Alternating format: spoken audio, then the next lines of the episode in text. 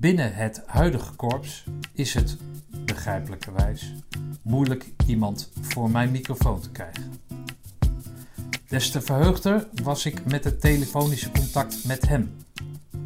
Als oud-operator van de 108, gewezen plaatsvervangend CKCT, voorzitter van de Commando and Family Foundation en nu opererend als militair attaché in Afghanistan, ga ik ervan uit dat hij voldoende tekst heeft om ons iets dichter bij het korps van heden ten dagen te brengen. Lichting 92.7. Vandaag in de Mutstads podcast het levensverhaal van commando luitenant-kolonel Sven de Bruin. Luitenant-kolonel Sven de Bruin, 72 01 13 658. Sven, in de, in de trein eh, hier naartoe, naar Roosendaal, heb ik jouw uh, televisieoptreden bekeken bij uh, Op 1. Uh, die weigers, hè? En dan heb die weigers is de ambassadeur. wat voor type is dat? Um, nou, ik moet zeggen, het is wel iemand die, die natuurlijk al lang meeloopt binnen, noem even, de, de diplomatie. Die die zeer ervaren is, zeer bedreven is, noem even het ambassadeurschap. Vele plaatsen in, in de wereld heeft gewerkt en heeft gediend. Ook in iedere rollen als ambassadeur. Dus het is echt wel iemand die werkt op het snijvlak tussen van hè, wat kunnen we als Nederland brengen in het buitenland. En daarbij continu de afweging moet maken tussen, noem even de politiek. Hè, wat wil de politiek, wat zijn onze beleidskaders. En daarbinnen handelt, handelt zij. En daarnaast is natuurlijk, geeft ze de, de, de leiding eigenlijk aan, aan, aan een ambassade en het personeel wat daarbij hoort. Om dat in goede banen te leiden. Jij bent dan als militair attaché, eh, die herkenbaar is aan dat mooie koord. Wat, wat, wat voor kleur koord is dat? Wat, wat ja, om je schouders het is, het is een beetje oranje, bronsachtig koord. Uh, nou is het niet zozeer dat ik elke dag in, in, dat, in dat pak uh, dat rondloop. je. Hè, dat, dat wordt wat ongemakkelijk. Maar bij, bij gelegen, officiële gelegenheden, aangelegenheden heb, heb ik dat natuurlijk gewoon aan. Um, omdat is natuurlijk ook een stukje herkenbaar als defensieattaché. Nou, het naam zegt het al, hè? het is attaché, dus je bent verbonden aan, je wordt toegevoegd aan de ambassade vanuit de defensie. En ook defensie heeft natuurlijk uh, haar belangen in, uh, in, in de wereld. Uh, nou ja, Afghanistan is daar natuurlijk een mooi, mooi voorbeeld van. Ehm, daar hadden we natuurlijk in het verleden allerlei missies lopen. En met name voor die missies zat de defensieattaché gekoppeld aan de ambassade in, in Kabul. Nou kun je natuurlijk afvragen van, hm, maar we hebben toch geen missies meer in, uh, in Afghanistan? Ja. Uh, dat klopt. Althans geen militaire missies meer. Um, maar dat betekent niet dat de aandacht vanuit Afghanistan compleet weggevallen is. we moeten nog steeds gewoon kijken van wat gebeurt er nu? Er is er nu de facto regering. En wat betekent dat? Uh, Nederland heeft zich uh, gecommitteerd aan het, de steun aan het Afghaanse volk. En ook daar is de vraag natuurlijk van wat kunnen we daar dan precies in, in, betekenen. Maar een van de basisvoorwaarden om daar iets goed in te doen is veiligheid.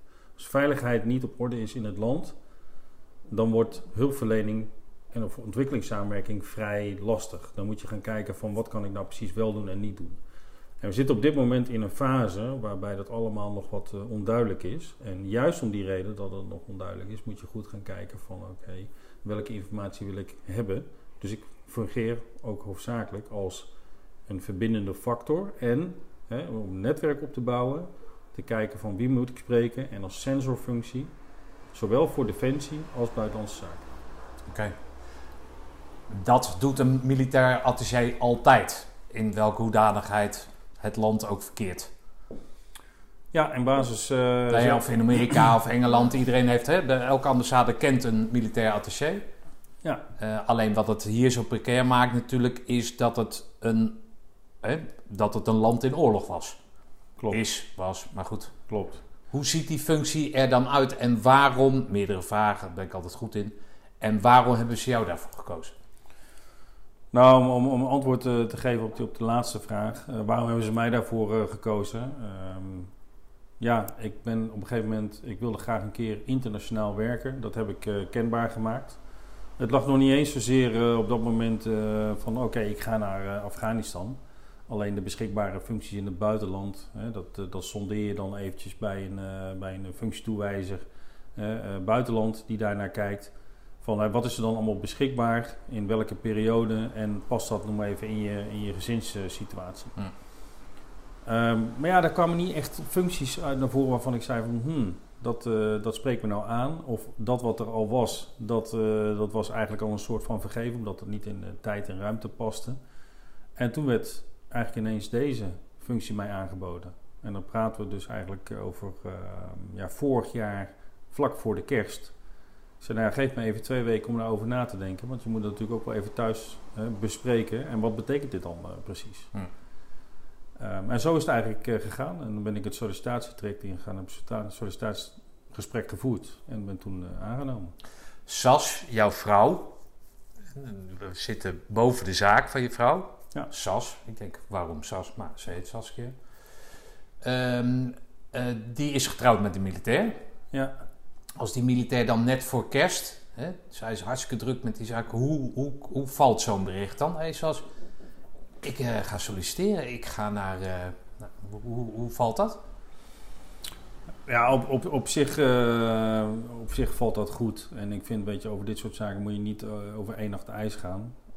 Bes- bespreken dat, we laten het even rusten. Ik heb ook gewoon bedenktijd gevraagd. Hè, van geef me even tijd, een dag of tien, twee weken was het geloof ik toen. Om het even goed eh, alles eh, op te lijnen en met elkaar te bespreken. En dan eh, hoor je van mij een ja of een nee. Hè, dat is dat, zo hebben we dat toen gedaan. Hm. Ehm, Maar hoe zeggen- valt dat bij haar? Zegt ze van, nou, Sven is goed voor je carrière of moet je doen? Nou, nee, het, het gaat niet zo haar van, van het is van per se goed voor je carrière. Eh, want we leiden hier eigenlijk al gewoon een, een druk bestaan. En met z'n tweeën, ik werk natuurlijk bij Defensie, zij runt een eigen zaak. Dus het is eh, al druk genoeg en zeker natuurlijk ook met kinderen. Ehm, maar het is veel meer van, zij stelt me altijd één vraag. Vind je het leuk om te doen? Word je daar gelukkig van? Hm. En als dat antwoord eh, ja is, dan staat zij daar altijd open voor en staat ze erachter. Wat zeg jij dan tegen haar, dus ook tegen jezelf, dus ook tegen Defensie, wat jij daar zo leuk aan vindt dan? Wat, wat vind jij daar leuk aan? Weg van huis? Nee, kijk, weet je, weg van huis eh, is eigenlijk helemaal niet leuk. Want wat je het liefst wil is, de, noem maar ik zeg altijd, het is jammer dat je er niet bij bent. Omdat de, de, even de, de, de ervaringen die je opdoet, die wil ik het liefst wil ik die delen met, met thuis. Maar we moeten wel reëel zijn, is natuurlijk in Kabul hè, of Afghanistan, dat kan dat gewoon niet. Dat noemen we ook een zogenaamde non-family posting. En als dat dan niet kan, dan moet je ook gaan kijken, maar wat betekent dat dan voor mijn weg zijn en thuis zijn? Nou, in principe hadden we daar eh, een hele mooie regeling voor. Is dat je daar vier weken in Afghanistan werkt. En vier weken ben je in Nederland, waarvan je drie weken werkt in Nederland. En dan ben je nog één week vrij en dan ga je weer die kant op. Oh ja, oké. Dus dat was eigenlijk een hele mooie Ja. regeling. eh, waar ik eigenlijk nog niet helemaal aan toe ben eh, gekomen. Want ik ben daar eigenlijk pas in, eh, ja, wat was het, half april ben ik daar gestart. En toen heb ik eerst van nou laat me eerst even gewoon goed inwerken. Dus ik ben daar wat langer. Dus ik was elke keer de helft van de tijd was ik hier versus de tijd dat ik weg was.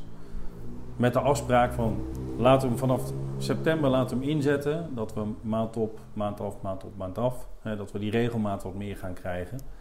En dat is wel iets wat voor thuis van belang is. Hè? Dus Ja. die regelmaat van ik weet waar ik waar aan toe ben en niet dat heen en weer. En dat was in het begin wel een beetje. eh, een beetje te veel heen en weer. Ehm, maar ja, zover is het niet eh, meer gekomen. Althans niet in relatie tot, tot Afghanistan. Oké. Die, ehm, tijdens die eh, opname of tijdens die uitzending van op 1 zegt Weigers, ik noem haar Weigers, dat is de ambassadeur, zegt dat jullie eh, eh, samenwerking eh, hè, tot in het perfecte was. Zo, zo, zo had zij dat in ieder geval ervaren. Ehm, en toen vroeg ik me af, goh, waar, waar, waar heb jij, hè, je werd geprezen om je kalmte, klopt dat? Ja. Ehm, waar heb je dat op gedaan? Ga ik, wil ik natuurlijk terug naar die ECO, hè, dat snap je. Maar waar heb jij dat eh, op gedaan? Ben je altijd, eh, je komt uit Heerlen, dan moet je sowieso een coole kikker zijn.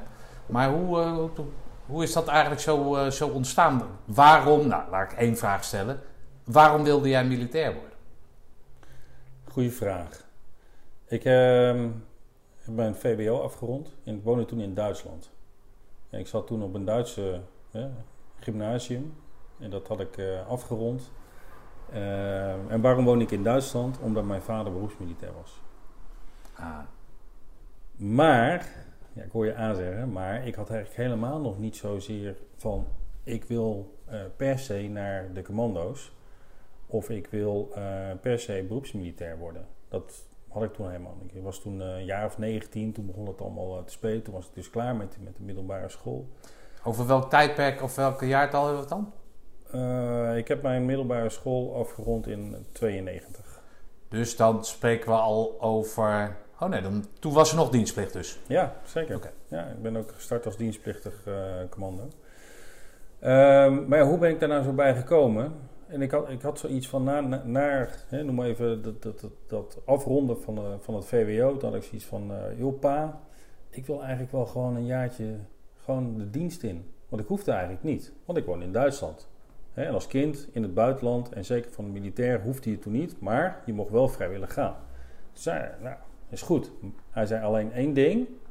Als je het doet en je wilt dienstplichtig worden en je wil er ook nog echt iets voor jezelf uithalen, dan moet je naar het KST. En de goede man, je vader, wat deed hij zelf dan? Dat hij dat advies eh, kon Nou, geven? mijn vader is ooit gestart bij de, bij de veldartillerie. Daar heeft hij jarenlang gewerkt en later heeft hij de switch gemaakt naar eh, meer de administratieve kant. Eh heeft jarenlang in, eh, in Zeedorf en op veel andere plaatsen in het Harde heeft hij gezeten. Op andere plaatsen ook in, in Duitsland. En hij is eigenlijk zijn carrière is hij geëindigd als stafadjudant, waarbij hij de belangen administratief behartigde voor alle Nederlandse militairen geplaatst in heel Duitsland. Ja, dus hij was ook eh, daarmee veel, veel op pad. Maar tegen die tijd woonde ik eigenlijk al in Nederland en toen zat ik eigenlijk al bij het KST. Hm.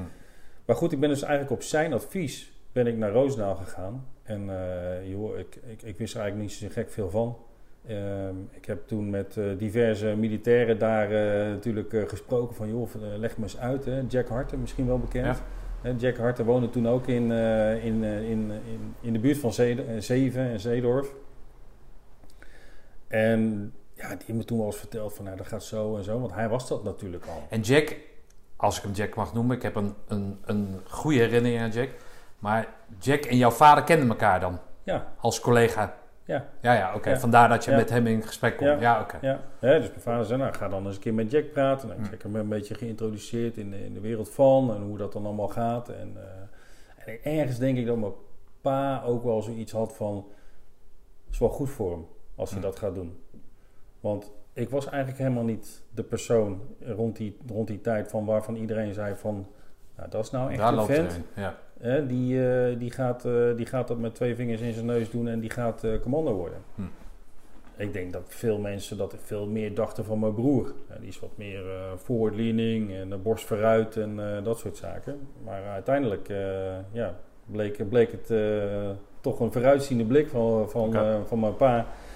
Die zei van, je kunt dit. Ga het maar, ga het maar doen. Dus dan, eh, zo gezegd, eh, zo gedaan. Oké. Voelde je, ja, nou ja, dat is natuurlijk, ik, ik vraag dan altijd niet dat het altijd hetzelfde vragen zijn, maar eh, of je dan thuis voelde. Maar jij komt uit dat milieu, dus je, Ja. je weet wat het is, je weet dat dat pak dat bij hoort, dat je een TT hebt en je gevechtspak overdag, weet ik wat. Maar, maar, maar dan zit je er in één keer in. Ben jij dan, zit jij dan, is dat in één keer, voelt het als gegoten, omdat je het eigenlijk altijd... Nee, dat voelde helemaal niet als, als gegoten. Ik bedoel, je komt natuurlijk wel gewoon van, ondanks dat je vader gewoon militair is en dat je als kind altijd meeging, ging altijd mee naar de kazernes en daar spelen en doen en overal zag je natuurlijk militairen, wil dat nog niet zeggen dat dat al echt in je haarvaten zit.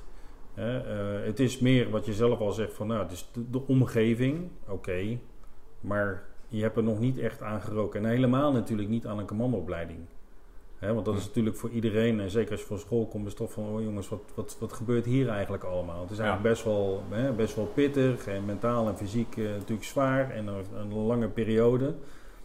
Dus, dus Ja, hoe kun je dat inschatten? Hm, het was meer van verhalen, dus onder andere van, van Jack Hart en van mijn vader zelf, die natuurlijk ook wel eens een gevechtscursus bijvoorbeeld heeft gedaan. Van, ja, ja, weet je, maak je borst maar nat, want dit wordt wel een soort van uh, pittige en een flinke uitdaging. Ja. Uh, maar ja, uh, het was nog niet zo van, van oké okay, jongens, dit gaan we zo eventjes doen. Ik vond de hele reis naar, vanuit Duitsland naar de kazerne in Roosendaal om überhaupt de keuring al te doen. Hè? Want dat had je natuurlijk nog van word je toegelaten. Um, dat was al een, uh, een hele stap. Niet zozeer de reis, maar aan zich de keuring wel. Dat gaat allemaal voor het eerst meemaken. Ja, oké. Ja. Maar was jouw vader een militair in hart en nieren? Ook qua benadering, qua bejegening, uh, dat soort zaken? Ja. Ja, ja. oké. Dus Ik daarin voelde je, was, was dat niet, hè? Ik kwam gewoon uit een artistiek gezin, om het zo maar te zeggen. Ja. Dus dan, dan komt dat toch anders aan. Het, het, omgangsvormen, uh, aanspreken en dat soort zaken. Zeker, zeker. Nee, zeker.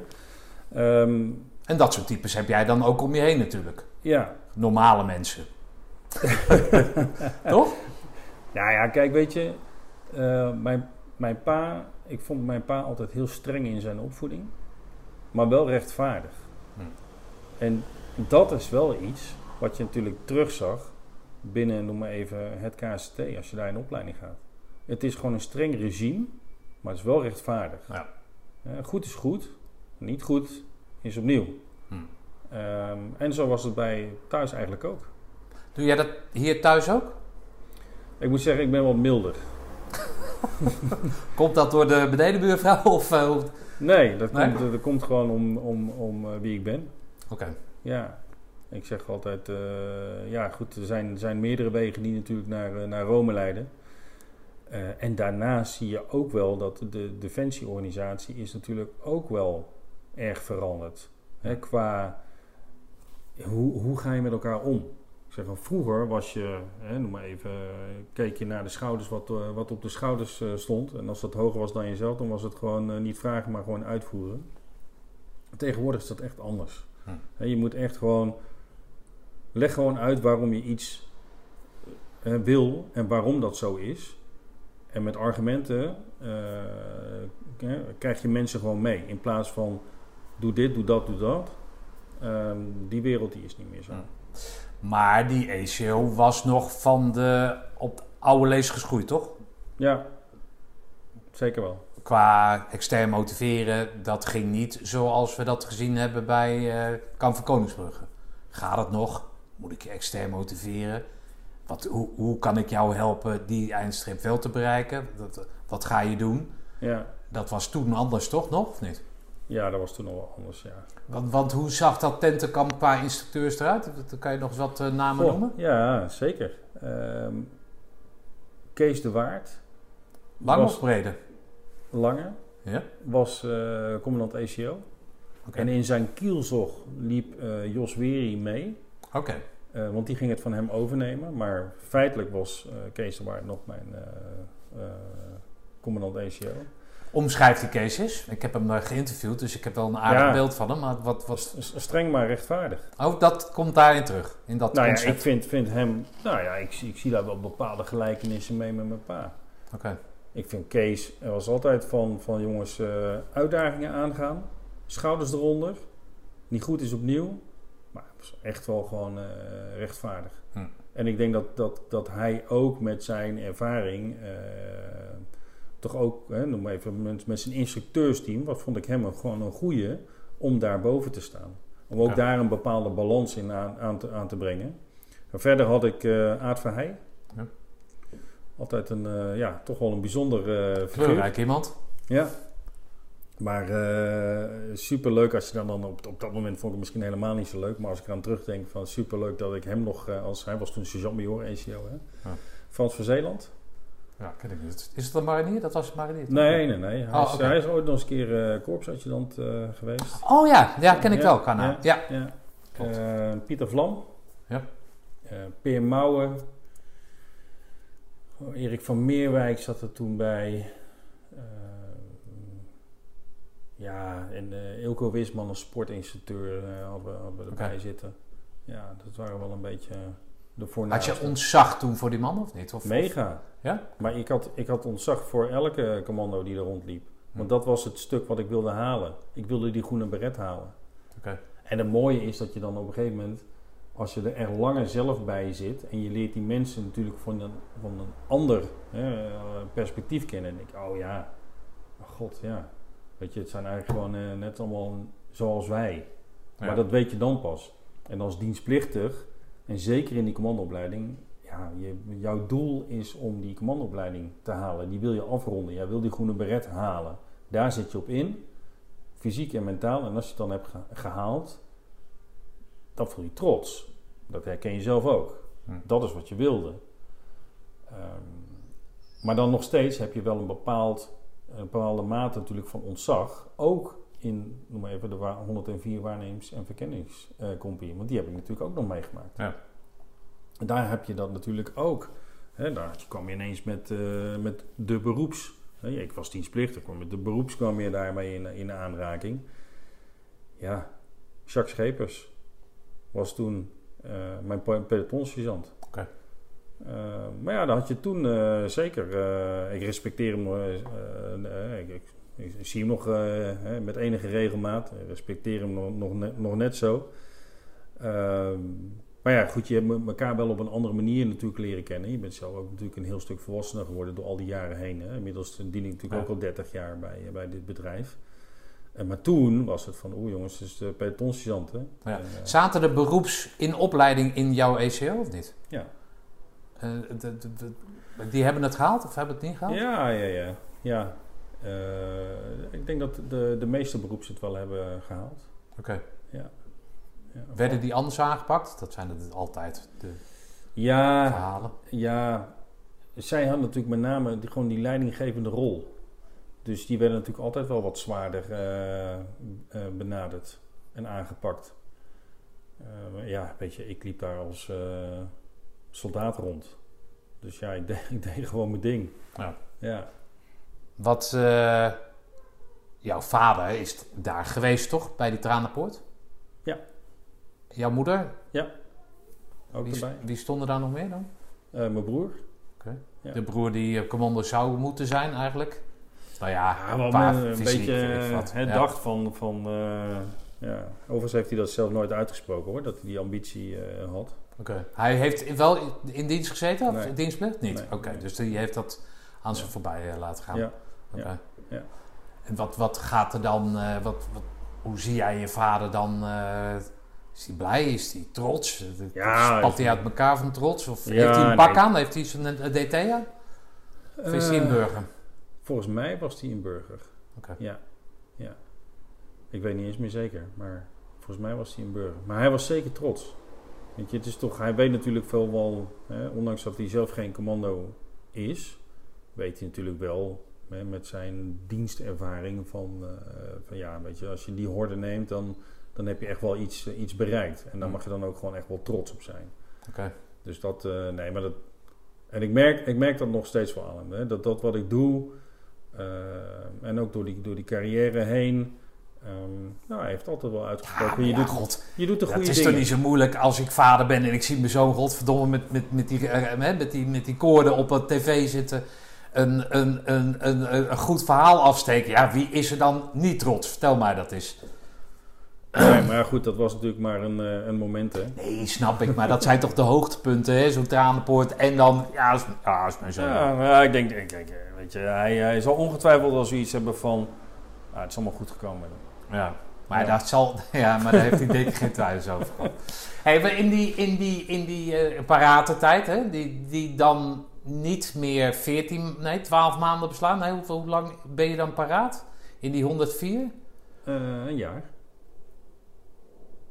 Ja, Nee, want jullie Nee. zijn toch teruggegaan, of het- jullie, het, het, het, eh, het dat was later. defensie... Ne- negen maanden bedoel jij? Ja, Nou, ja, negen maanden, ja, zoiets. Of dat het een, ja, in totaal een jaar is, inclusief de opleiding. inclusief de opleiding. Ja. Daar heb jij in gezeten, in die tijd. Oké. Dat is een vrij korte periode dat je hè, eh, zeg maar dienstbaar bent aan eh, de BV Nederland. Ja. Eh, dan moet er dus een moment zijn, met je gymnasium had je het over, hè, Ja, op zak, dat je een keus gaat maken. ja. Eh, wanneer be- bekruipt het, eh, het dat, dat dat militair zijn de volgende generatie eh, ook aansteekt. Hè? Eerst je vader en nu jij. Wat, wanneer, wanneer is dat punt? Ik moet zeggen, het was veel meer na, na, na die dienstplichtige periode. Toen dacht ik van joh, laat ik gewoon verstandig zijn en, en gaan studeren. Dus toen ben ik naar Maastricht gegaan en toen ben ik gaan... Oh, je bent gewoon, je hebt, bent gewoon afgezwaaid? Ja. Oké. Dus toen ben ik eh, eh, gaan studeren, tolk-vertaler. In Maastricht. Ik had iets met talen, vond ik wel leuk. Dus ik dacht, nou, dan ga, dan ga ik da- dat maar doen. Maar goed, dat heb ik wel geteld, ehm, ja, een maand of vier gedaan. En toen ontstond Maar eigenlijk- op kamers, de, Ja. de, koor of zo, weet ik wat, studentenleven? Ja, Oké. ja.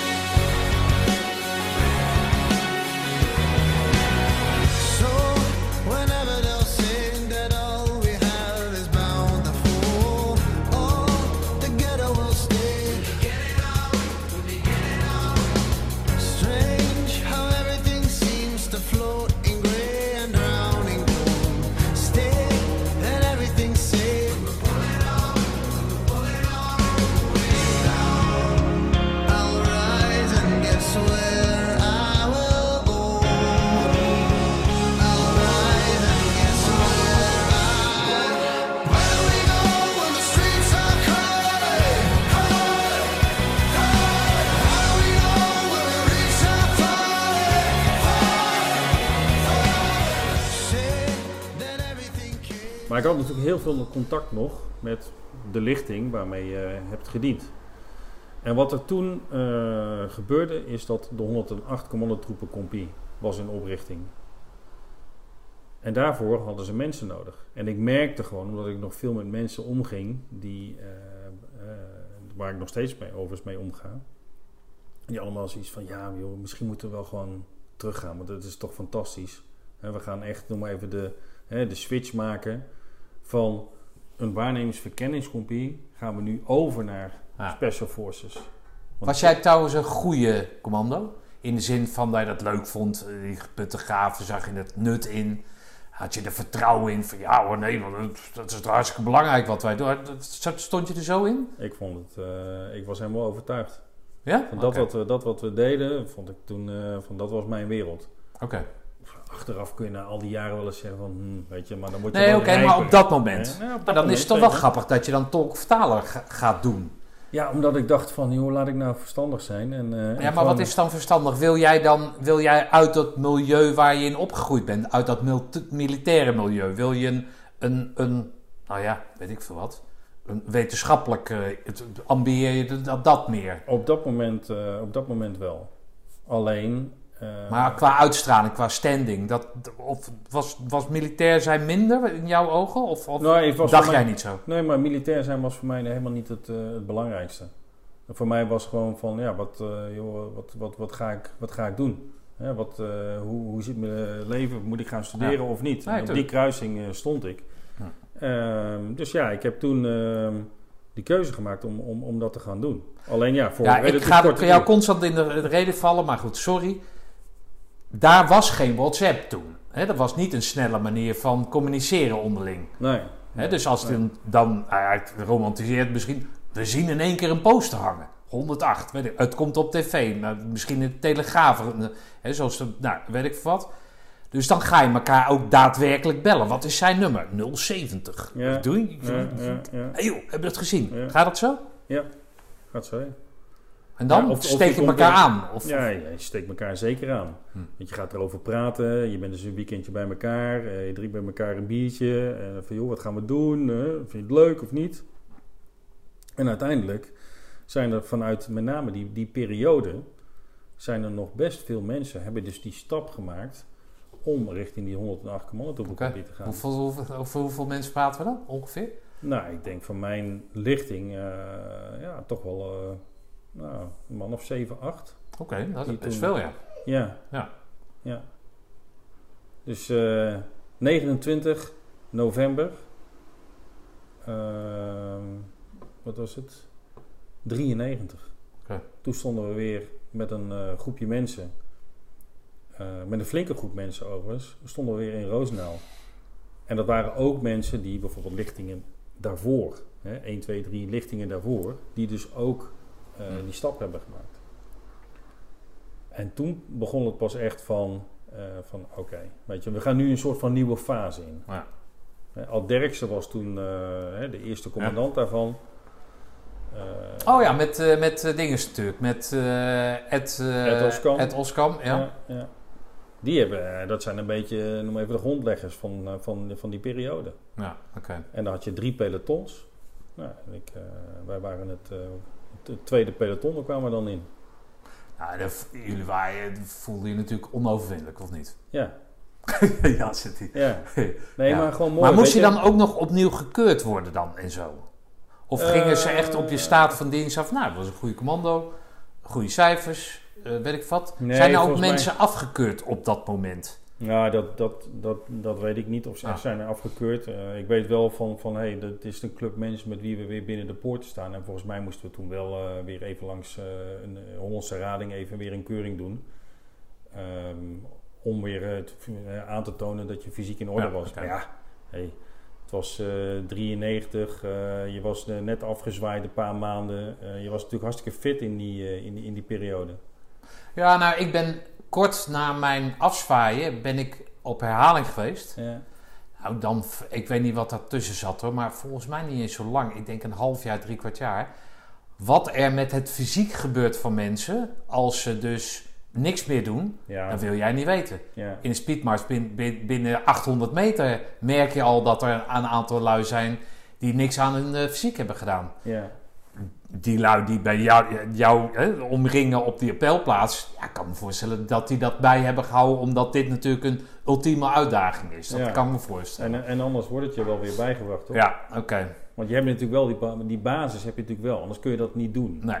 Dus- Nou, anders ga je het misschien ook niet aan. Als je in de spiegel kijkt en denkt, nou, ik ben moddervet, eh dat, dat gaat niet. ja, het is een goede reden om het wel te doen. Dat zou inderdaad, eh, zou inderdaad kunnen. Wat wordt jullie nou niet voorgespiegeld, maar wat is de missie van, van, van, die, van die nieuwe eenheid? Ja, in, inzet eh, natuurlijk voor, eh, voor, voor speciale operaties. Eh, en dat was eigenlijk, noem maar even, de, de, de shift natuurlijk van het, het oudere eh 104 waarnemersverkenningscompagnie. Het verhaal eigenlijk van we gaan naar de Noord-Duitse laagvlakte en we graven ons in. We richten de waarneming in en we, hè, we- zien van wat, wat er gaat gebeuren. En dan heb je, noem maar even, je exfiltratie eh, terug richting eigen troepen. Dat veranderde. Van daaruit zijn we langzaam gaan bouwen naar eh, noem maar even, meer de connectie met de internationale gemeenschap op het gebied van speciale operaties. Daar zijn we gaan kijken van oké, maar wat betekent dat nu eigenlijk specifiek? De speciale verkenningen. Hoe ziet dat er dan uit? Welke andere methodes hebben we daarvoor? We zijn meer gaan kijken naar offensieve operaties. Wat betekent dat? Vroeger hadden we natuurlijk eh, de overval in de hinderlaag. Maar dat was natuurlijk wel vrij basic. Maar wat is dat dan nog veel meer? Ehm, en pas later zijn we ook nog natuurlijk gaan kijken naar van militaire assistentie, maar dan in het soort van eh, bijstand verlenen aan het, het opleiden en trainen van, van partners. Maar we moeten niet vergeten dat we natuurlijk in 93 nog steeds, en daar stonden we echt nog in, in, in de kinderschoenen. Alles werd een soort van experimenteren van welke kant moeten we op. En gaandeweg, ja, 93 is natuurlijk ook niet meer zoals nu. Nee. Dat, daar is echt wel een wereld van, van verschil in. En tegelijkertijd hadden we in 93 nog steeds de dienstplicht. Want ik denk dat de laatste dienstplichtige commando in 94 of 95... Ja, Is 94, 94, 6 uit mijn hoofd. Ja, van welke Ja. lichting ben jij? Dat was een hele zware lichting, was van eh 82, 6. 82, 6. Ja, ja. 10 jaar... Ja, ik ben Ja, ja. 92, 7. Tien Ja, jaar dat is. eh, nee, ja, och man, toen was het zo zwaar. hey, maar ehm, dan, wat ik van Ed begrepen, Ed Oskam heb ik eh, geïnterviewd. Dat dat voor hem en Ad Derksen een fantastische periode was. Tuurlijk. Eh, Het, het, het vormgeven van iets wat er niet was. ja. Jij hebt het vanwege jouw historie bij het korps, heb je het continu over we. Maar jij bent dan een pion in een wereld die dan nog vorm wordt gegeven. Hoe, hoe, dan moet je heel- spichtig om je heen blijven kijken. Van kut, wat, wat, gaan we nu weer doen? Wat, wat ik zo mooi vind. ik weet niet wie dat zei, maar die zei van vroeger in de oude armee moest je voor elke schroef die in een, ergens in draaide, moest je een VRA'tje indienen. En wij zaten met die 108 zaten in de fase dat, nou ja, als dit niet werkt, dan gaan we op zoek naar iets anders, maar het moet werken. Dus continu prestatie en resultaatgericht. Was jij, waren jullie daar, maakten jullie maakten onderdeel, maar jullie, werd er ook aan jullie gevraagd feedback en wat, hoe, hoe, hoe was dat spel? Nou ja, weet je, kijk, ik moet zeggen, we waren toen nog, eh, nog steeds wel vrij jong. En eh, vooral eh, uitvoerend en, en dienend. met, noem maar even, de, de, plannen die door Ed en, en natuurlijk werden bedacht. Van welke kant moeten we op. Hè. Zo kwam er bijvoorbeeld een experiment waarbij ultralight vliegtuigjes, hè, zoals een Delta vlieger. Nou, daar werden dan drie, vier man voor opgeleid. Hè. Jacques Schepers is er bijvoorbeeld zo eentje van. Louis Wesseling. En die eh, gingen dan zo'n, zo'n ja, beetje zo'n trial and error van, van eh, gaat dat wel of past, past dat niet. Maar dat was helemaal niet aan ons besteed, voor ons was het veel meer, ehm, ja, wat, noem even die verdiepingsslag. Hè, meer naar dat offensieve optreden, meer eh, kijken, experimenteren op het gebied van, van nieuw materiaal wat, wat binnenkwam. Wat overigens nu, als je naar dat materiaal van toen keek, het is, het is natuurlijk helemaal niks meer. Nee, oké. Maar, maar- er was ruimte voor zelfinitiatief, voor, voor, voor het spuien van ideeën. Want je Ja. was natuurlijk gewoon nog een scholier die dan Ja. toevallig die groene bret had gehaald. Ja, en in één keer zit je in een soort professionele we- we- wereld in wording. Inwording, ja. Ja. Hè, dus voor ons was het helemaal niet zo inzichtelijk van, van eh, hoeveel budgetten zijn er nou Ja. beschikbaar. Dat is- wisten wij veel. Ja. Wij, eh, wij gingen gewoon oefenen van oefening X, Y, Z. Wij, wij volgden dat, eh, dat traject gewoon. Maar wij eh, wisten helemaal niet van, van hoe is er, is er een innovatiebudget. Misschien werd daar toen nog helemaal nog niet over gesproken. Hadden misschien wel een hele andere naam. Maar for sure dat dat er ergens natuurlijk beschikbaar was. Maar dat, Ja. dat realiseer je allemaal pas veel later. Ja, maar jij was, jij, jij was, bent geen domme jongen, want anders had je het gymnasium niet gehaald. Nee, maar ja, goed, er lopen eh, toch heel veel. eh, Nee, maar ik bedoel, misschien is dat juist dan de... Want je bent nu ook officier, heb ik begrepen. ja. Dus de, de, het moet toch ergens, moet dat toch bij jou gekieteld hebben... dat het in eerste instantie een soort spannend jongensboek is, ja, toch? Je hebt het Ja. andere geprobeerd. Ah, kut, gelukkig, er is wat anders, dan gaan we dat doen. Dan moet het dan toch, dan, dat moet jou dan toch kietelen. Zo van, hey, fuck, dit is, dit. Hè, die spiegel kijkt, Sven, dit is het. Of niet? Ja, ik, wat ik al zeg, hè, ik, ik vond het gewoon fantastisch om met die club maten gewoon bij elkaar te zijn. En vooral hele leuke dingen te doen. Hm. Dat vond ik in, in beginsel. eh, en dat was ook de reden om, om, om terug te gaan, om weer zeg maar, naar een nieuw level eh, te gaan. Dat was het in, in het begin. En pas later, eh, en dan praten we eigenlijk al over eh 97, 96, 97. hè, toen maakte hij de stap van, eh, want ik kwam toen terug als corporaal. Maakte de stap van corporaal werden we onderofficier. Hm. En pas in 97, 98 ben ik de officiersopleiding eh, ingegaan. Dus ik heb vooral... Nou ja, In die is periode- vier jaar later hoor. Dus je komt als dienstplichtig kom je Ja. binnen. Vier jaar later Ja, zit je op die officiersopleiding. Dus dan ja maar zijn ga je- mensen die doen het meteen, hè? Ja, nee, natuurlijk. Maar jij bent wel de, eh, de weg van de geleidelijkheid eh, gegaan. Hè? Ik heb Jamil Meusen, zit nu bij de politie. Die heeft eerst heeft ateneum gedaan. Eerst KMS, KMA. Weet je wel, het, het, het- een aantal uitzendingen, Ja. toen KMA. Zijn Ja. zoon, Ja. 17, meteen naar de KMA. Ja, ik kies toch het liever het pad van zijn vader. Dus, dus wat dat betreft komt dat een beetje overeen met jou. Eerst wat anders proberen en dan, nou ja, dit is het. En dan, weet je wel, maar dan heb je in ieder geval wel, maak gebruik van al je mogelijkheden, maar ook zeer zeker dat je aan jezelf hebt laten zien dat dit echt iets voor je is. Maar goed, Ja. dat terzijde. Dat offensieve optreden, dat betekent dus ook dat je dus offensief meer geschoold moet worden. Ja. Bestaat dat dan uit kickboksen, eh, vooral fysiek eh, bezig zijn? Dat je, dat je ook echt offensief bezig kan zijn in, in, in optreden? Ja, een beetje de dingen net zoals, eh, noem maar even, militaire zelfverdediging maakt gewoon eh, vrij standaard deel uit van, noem maar even, opleidingstrajecten. Het zit niet zozeer in dat stuk. Wat we toen nog hadden was eh, een internationale eh, Special Forces school in Zuid, eh, Zuid-Duitsland. Hebben we overigens nog, nog steeds. Maar toen maakten we daar wat meer gebruik van.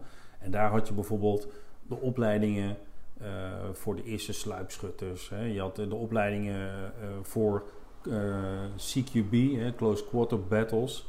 Weet je, en dat soort... Wat is dat? Wat is dat? Ja, close quarter battles, eh, dat, dat is... Het moet eigenlijk een beetje oppassen wat ik zeg. Want als je het bij een Amerikaan vraagt, dan zegt hij van...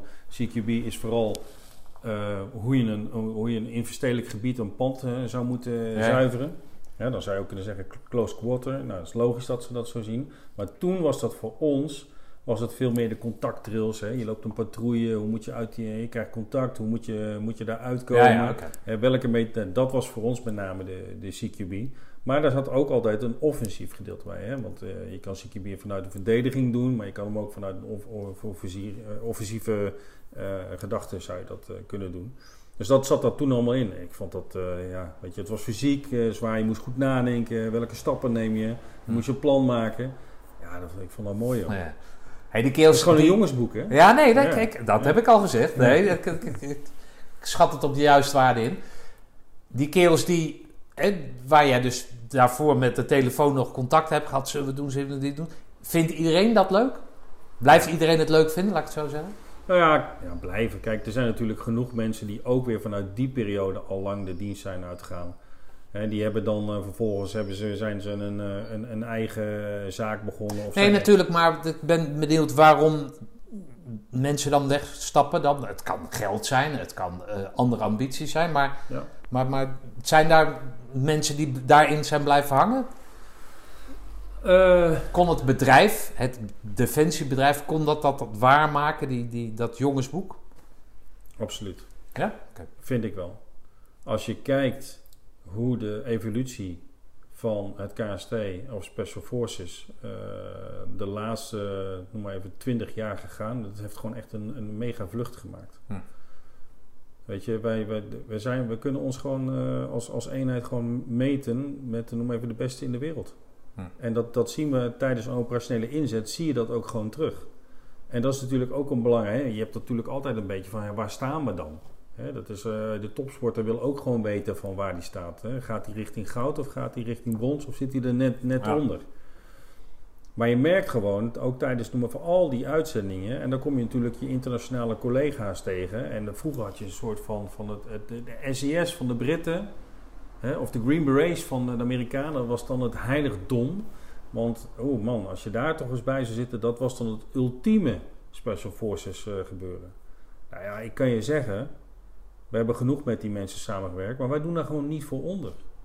Ons type mens, wat nu, hoe die wordt opgeleid, kan zich makkelijk meten met, met dat soort mensen. eh, in de zin van eh, op basis van een gelijkwaardigheid. Dat kunnen zij. Zij zijn daartoe in staat. Het verschil zit hem in, noem maar even voor een Amerikaanse Delta Force. Zij hebben een heel ander, noem maar even buitenlandbeleid. Eh dat, dat zijn Amerikanen. En dat is politiek wat erachter zit. Maar de mens aan zich, die loopt ook hier in Roosendaal rond. Hm.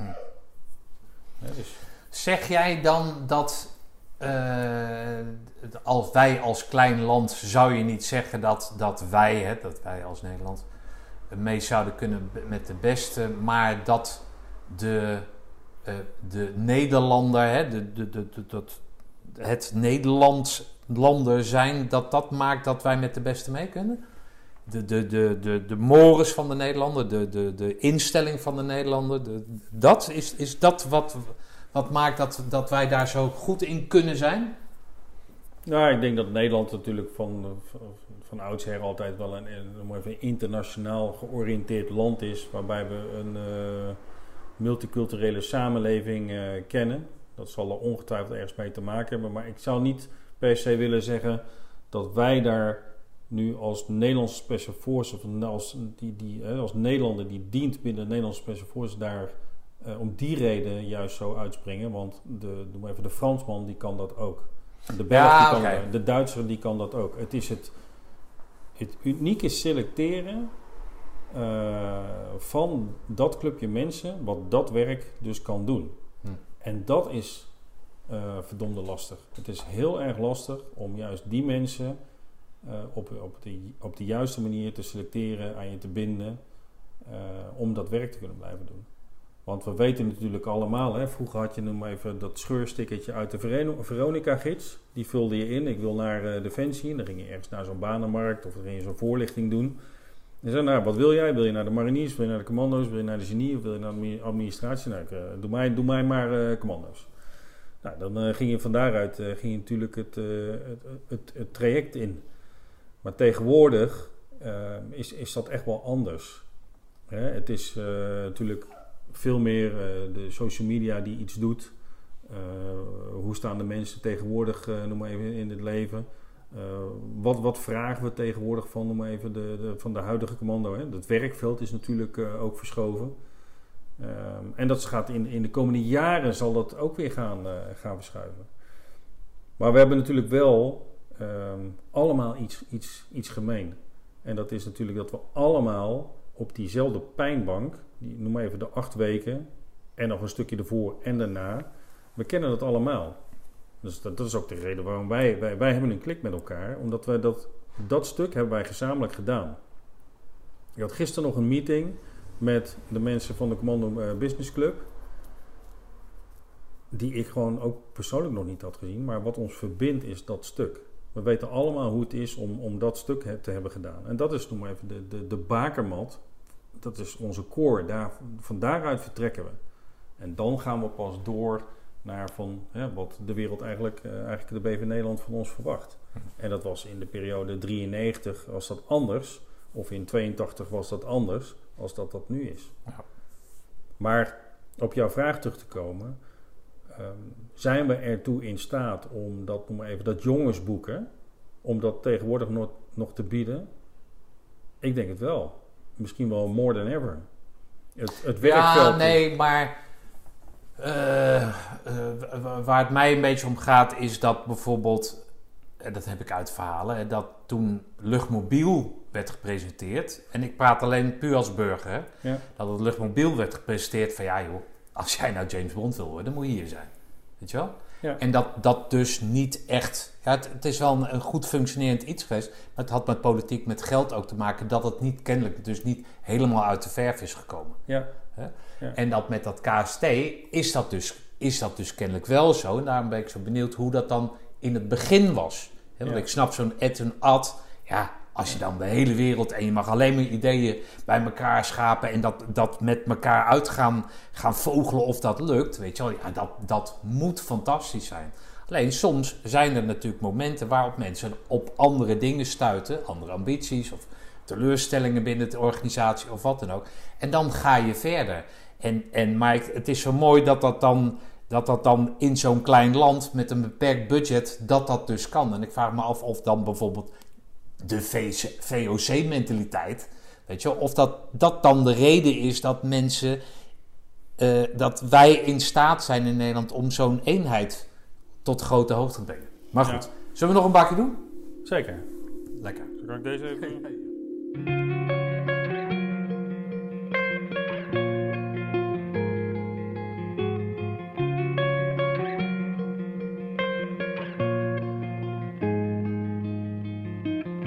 walking home and talking lows to seeing shows in evening clothes with you. From nervous touch and getting drunk to staying up and waking up with you. And now we're sleeping at the edge, holding something we don't need. This delusion in our heads is gonna bring us to our knees. So come on, let it go. Just let it be. Why don't you be you? And I'll be me. Everything that's broke,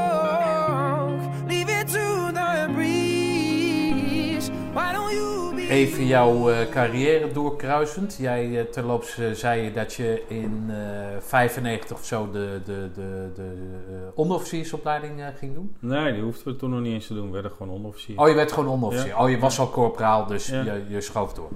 Dan heb je het over dat je in 97 eh, de officiersopleiding gaat doen. Hoe, Ja. hoe ziet dat eruit dan? Ja, ik, ik, ik heb toen de keuze gemaakt om, eh, om zeg maar de, de, de, kort eh, opleiding eh, te doen. Dus dat was een periode van, van een maand of negen dat je naar de KMA ging. En toen werd je officier. En dan in, later heb ik daar nog een, een vervolgmodule weer gedaan, weer van een half jaar. Om, om eigenlijk, toen had je een beetje de splitsing nog van wat we kenden als BBT, hè, beroepsbepaalde tijd, naar BOT. En toen heb ik zeg maar, die aanvullende opleiding nog gedaan om zeg maar, die stap weer te maken. Dat was toen ook verplicht om naar beroepsonbepaalde tijd eh, te gaan. Oké. Dus ik ben eigenlijk heel lang, ja, of althans heel lang, eh, toch wel een jaar of eh, nou, negen, vanaf, noem maar even dienstplichtig tijdperk, BWT geweest. Oké. Betaald. Oké. Ja. Een bepaalde tijd is dan hoeveel, hoeveel tijd? Ja, je had elke keer die contracten, wat was het, van eh twee, drie, vier jaar of zo. Ja, oké. Het was al achtereenvolgend. Ja, eh. vroeger wat had je vroeger de Ja, KVV. KVV, maar dat, ja. dat, Ja. dat ken jij misschien uit jouw functie. Ik- Ik heb er nooit echt een vinger achter kunnen krijgen. Maar dat als KVV'er, dat je maar één keer mocht verlengen. En daarna moest je de dienst verlaten, heb ik wel eens gehoord. Klopt dat of weet je dat niet? Eh, weet ik niet. Nou, ik vond dat- het altijd kapitaalvernietiging. Dan, dan douw je acht jaar douw je er, eh, douw je er geld in en dan moeten ze, moeten ze eruit. Ja, Maar goed, dat, eh, dat is zijn. Ja. Die 108 werd opgericht om anders, anders te kunnen optreden. Ja. Rond die tijd waren er optredens toch in het buitenland? Nou ja, de, de, weet je, de, de, de, de missies die zijn natuurlijk met, de- met, met de komst van, eh, noem even, de voormalig Joegoslavië zijn die, zijn die eh, gestart. Ja. Dus dus eh, mijn eerste missie was in 94. Eh, zomer 94 tot januari, februari 95. En daarvoor zat eigenlijk het eerste. Ik zat, ik zei al van ik zit in, zat in het tweede peloton van de 108 man troepie. En daarvoor zat eigenlijk het eerste peloton, wat eigenlijk noem maar even de kick-off had, om naar Srebrenica te gaan. Oké. En ver- nog een stukje daarvoor, ja, had je nog een keer, noem maar even wat we het individuele uitzending, eh verdacht van Riembroeders, ook wel bekend, Ja. eh, richting Irak. Eh, maar dat was niet echt in, noem maar even, in, in verband, hè? dus dat je met een peloton of iets dergelijks Oké. Wat, gaat er dan iets door je heen van... eh, eh, oh, dat is even een hele andere... Je houdt, ja, je tekent omdat je daar rekening mee houdt. Hè, dat wil je als militair En zijn. je wilde Of- dat. Ja, oké. Ja, je ging op uitzending, was fantastisch. Ja, dat vond je fantastisch. Ja, ja, ja. En die, dat, die vibe die hing in- binnen die compagnie. We gaan eruit. We gaan... Ja. We gaan eh, Oké. Ja. Oké, we- Weet je dan wat je gaat doen? Of wat, wat jullie... Ja, nee, dat werd, werd, werd wel duidelijk eh, gezegd. Hè, van, van jongens, het is een VN-missie. dat betekent dus dat we met een ander mandaat mogen werken. eh, of moeten werken. Dat we ehm, vooral gaan als, als verkenningseenheid. Dat was eigenlijk onze... onze wij, wij liepen daar natuurlijk de dagelijkse patrouilles om te, langs de enclavegrenzen. En dat is wat, wat we hoofdzakelijk eh, elke dag daar eh, deden. Om gewoon het gebied in kaart te brengen. En te zien van, hey, wat, wat gebeurt er? Zijn er dreigingen die van buiten naar binnen komen? Hm. Wat, eh, wat zit er langs die grenzen? Oké. En dat was... Dat was wel spannend, of niet? Dat was toen zeker wel, eh, wel spannend. Maar wel op een gezonde manier. Eh, maar ja, je moest natuurlijk altijd wel oppassen voor... Hè, met name de dreiging van, noem maar even, mijnen. Eh, dat was eigenlijk Oh ja, de grootste dreiging. Ja. Dat was de grootste dreiging langs die enclavegrens. Hm. Dus dat was altijd wel het meeste waarvoor je op de hoede moest zijn. En niet zozeer dat, dat je onder, direct onder vuur werd genomen of, of dat soort zaken. Nee, maar goed, mentaal zal er toch een bepaalde druk zijn. Dat er altijd wat kan gebeuren. Het is anders Ja. dan dat je de kazerne aan het beveiligen ja, bent. eh. zeker, zeker. Toch of niet? Ja, ja, ja, zeker. Oké. En er gebeurde natuurlijk ook, hè, we zaten natuurlijk niet alleen. Hè. Dat was wat we daar met, een, met de luchtmobiele brigade had natuurlijk net zijn intrede gedaan. Dus dat was ook voor hun eh, missie en andere eenheden. En die gingen natuurlijk ook de poort uit. Dus het was natuurlijk ook wel dat, dat er af en toe een keer wat gebeurde. Hm. En dan het meest vervelende was natuurlijk als er iemand op een mijn stapte, op een voertuig ergens eh, opreed. Ja. Ja. dat was natuurlijk wel, wel, eh, wel vervelend. Ja. En het is in principe dan voor iedereen nieuw, toch? Niet alleen voor jullie, jullie zijn dan beroeps op dat moment, maar ook het kader, zeg maar het wat oudere kader, is misschien in Libanon geweest, maar voor de rest Ja. is daar weinig expertise op, op het gebied van uitzendingen. Nee, het is precies dat wat je zegt. Sommige daarvan zijn in Libanon eh, geweest. Eh, Pieter Vlam hè, bijvoorbeeld, Ja. die is daar een van. Eh, maar heel veel uitzendervaring zat natuurlijk Nee. helemaal niet in die club. Want we hebben natuurlijk als, als Nederlandse defensie heel lang een periode gehad waarbij er nauwelijks uitzendingen waren. Ja. Ehm, en dat is eigenlijk vanaf 93. Eh, en met een aantal mensen daarvoor, dus richting Irak of naar Sarajevo in 92, ehm, is het pas vanaf 93 een bijna een soort van onafgebroken uitzendduur geworden tot, tot heden. Oké. KST is vanaf die periode bijna onafgebroken gewoon ingezet. Hm. Misschien wat links en rechts eh, twee, drie keer een soort van adempauze. Eh, maar tot, tot die tijd was het gewoon eh, inzet. Ja. Hoe ziet jouw leven er verder dan uit? Je- Woon jij in de kazerne of op de kazerne? Of hoe noem je dat? Of heb je, heb je al verkering of zo? Of, eh, wat, eh, hoe, In, die, in die periode. Ja? Ehm, ik had wel verkering, maar ik woonde wel op de kazerne. Oké. Ik heb denk ik wel een jaar of, nou ja, vijf jaar dat is best lang. was ik wel binnenslaper. Oké. Ja. Maar ik vond het fantastisch. Maar ook die kerels, die kerels ook. Ja joh. Het Oh, was gewoon elke mooi. avond feest. Was, ja, ja, soort van, ja. Een beetje sporten en dan eh, s s'avonds een biertje. Ik ken het wel. En dat, eh, je, je zat met, het was gewoon een heel hecht eh, team, Hmm. wat je gewoon bij elkaar eh, bracht. Ja. Hè? Je zat s'avonds, overdag, oefeningen, uitzendingen, alles werd met elkaar Ja. gedeeld. Ja, Ja. oké. Ja, dat, dat, dat, ja dat, dat smeet wel een band natuurlijk. Ja, en dan komt er natuurlijk vanzelf een keer een periode dat je weer een relatie krijgt waar je dan komt. weer een keer, ik ben op 97 was dat. 98, ja, 97 ben ik toen gaan samenwonen. Ehm, hier in Roosendaal. Ja, dan wordt het. eh, dat is ook wel goed, hè? Dan ben je ook een keer, nou die wilde haren zijn er dan een beetje af. En dan eh, gaan we nu naar, eh, naar, naar het volgende. En dan, eh, ja, dan, dan merk je ook wel dat je dan even het, het daadwerkelijk binnenslapen ook gewoon niet meer zo ambieert. Althans, ik. Ik, ken ook mensen die zijn eh 30 jaar binnenslaper. Dat vind ik... Ja, eh, nee. Het, ik heb er altijd bewondering voor. hoor. Denk ik, Ja. Alleen bewondering voor de persoon als je het zo lang volhoudt. eh, maar voor je thuisgrond lijkt me dat geen eh goede. Maar dat is mijn mening. nou ja, ik ben zo benieuwd hoe dat dan gaat als, als zo'n kerel dan thuis komt te zitten. Jij bent, oh ja, fuck. Je bent vanaf nu zeven dagen de week thuis. Hoe, hoe gaan we dat? Dat lijkt me al- altijd het meest spannende Ja, binnen een relatie. ja. Ik kan me best voorstellen dat gewoon die vrijheid, hè, weet ik niet hoe dat precies met kinderen gaat, maar dat die vrijheid wel, wel, wel aantrekkelijk kan zijn voor een bepaald type mens. Voor mij zou het niks zijn, ik kan niet alleen zijn, maar, hè, dus, maar dat was een meisje uit Roosendaal die dan... eh, nee, nee, eh, nee, nee, dat was een meisje die werkte toen ook bij, eh, bij Defensie. Ze kwam uit Den Haag. Maar we zijn toen in Roosendaal gaan wonen. Oh, oké. Ja. Ja, ja, oké. Oké. Dan word jij officier dus. Ja. Wat, wat, wat, wat, wat, hoe zie jij je carrièrepad dan?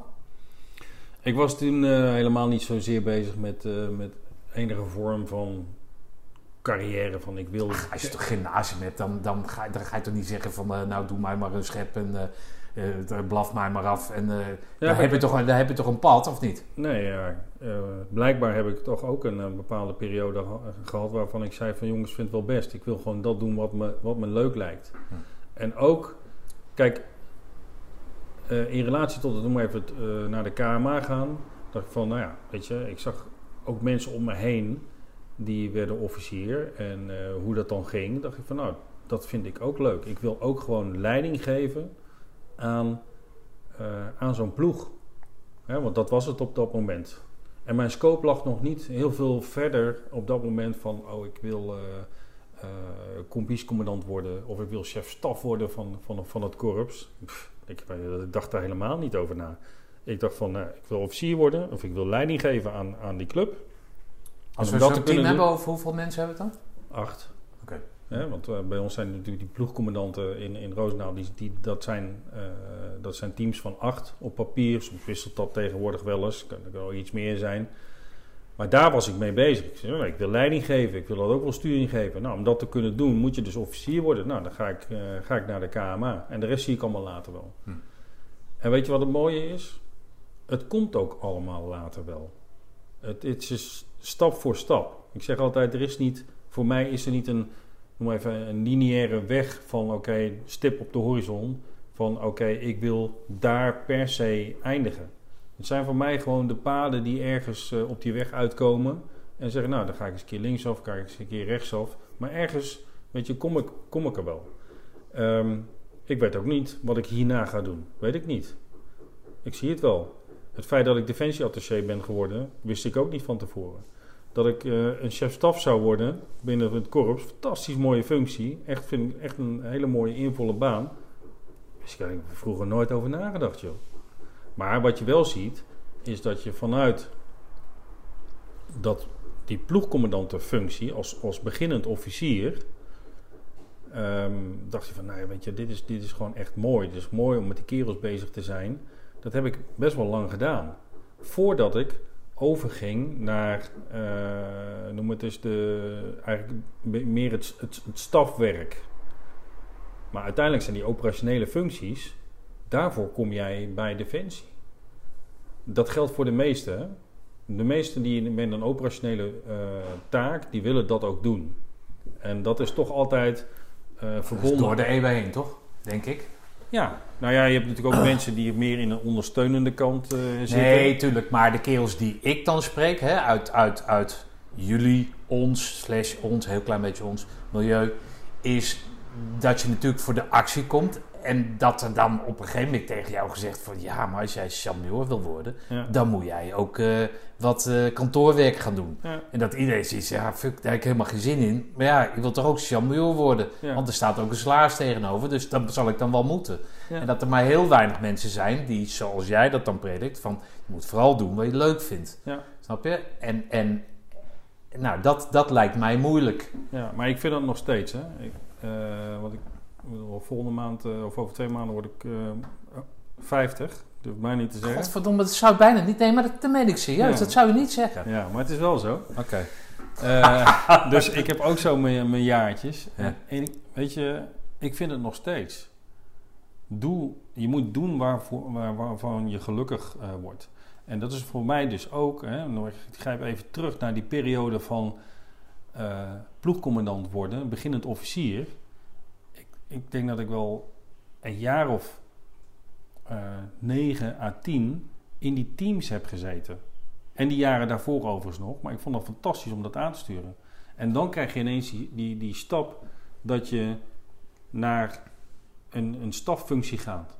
Ik ben toen uitwisselingsofficier eh, geworden binnen de eh, tegenhanger bij, eigenlijk bij de mariniers. Hè.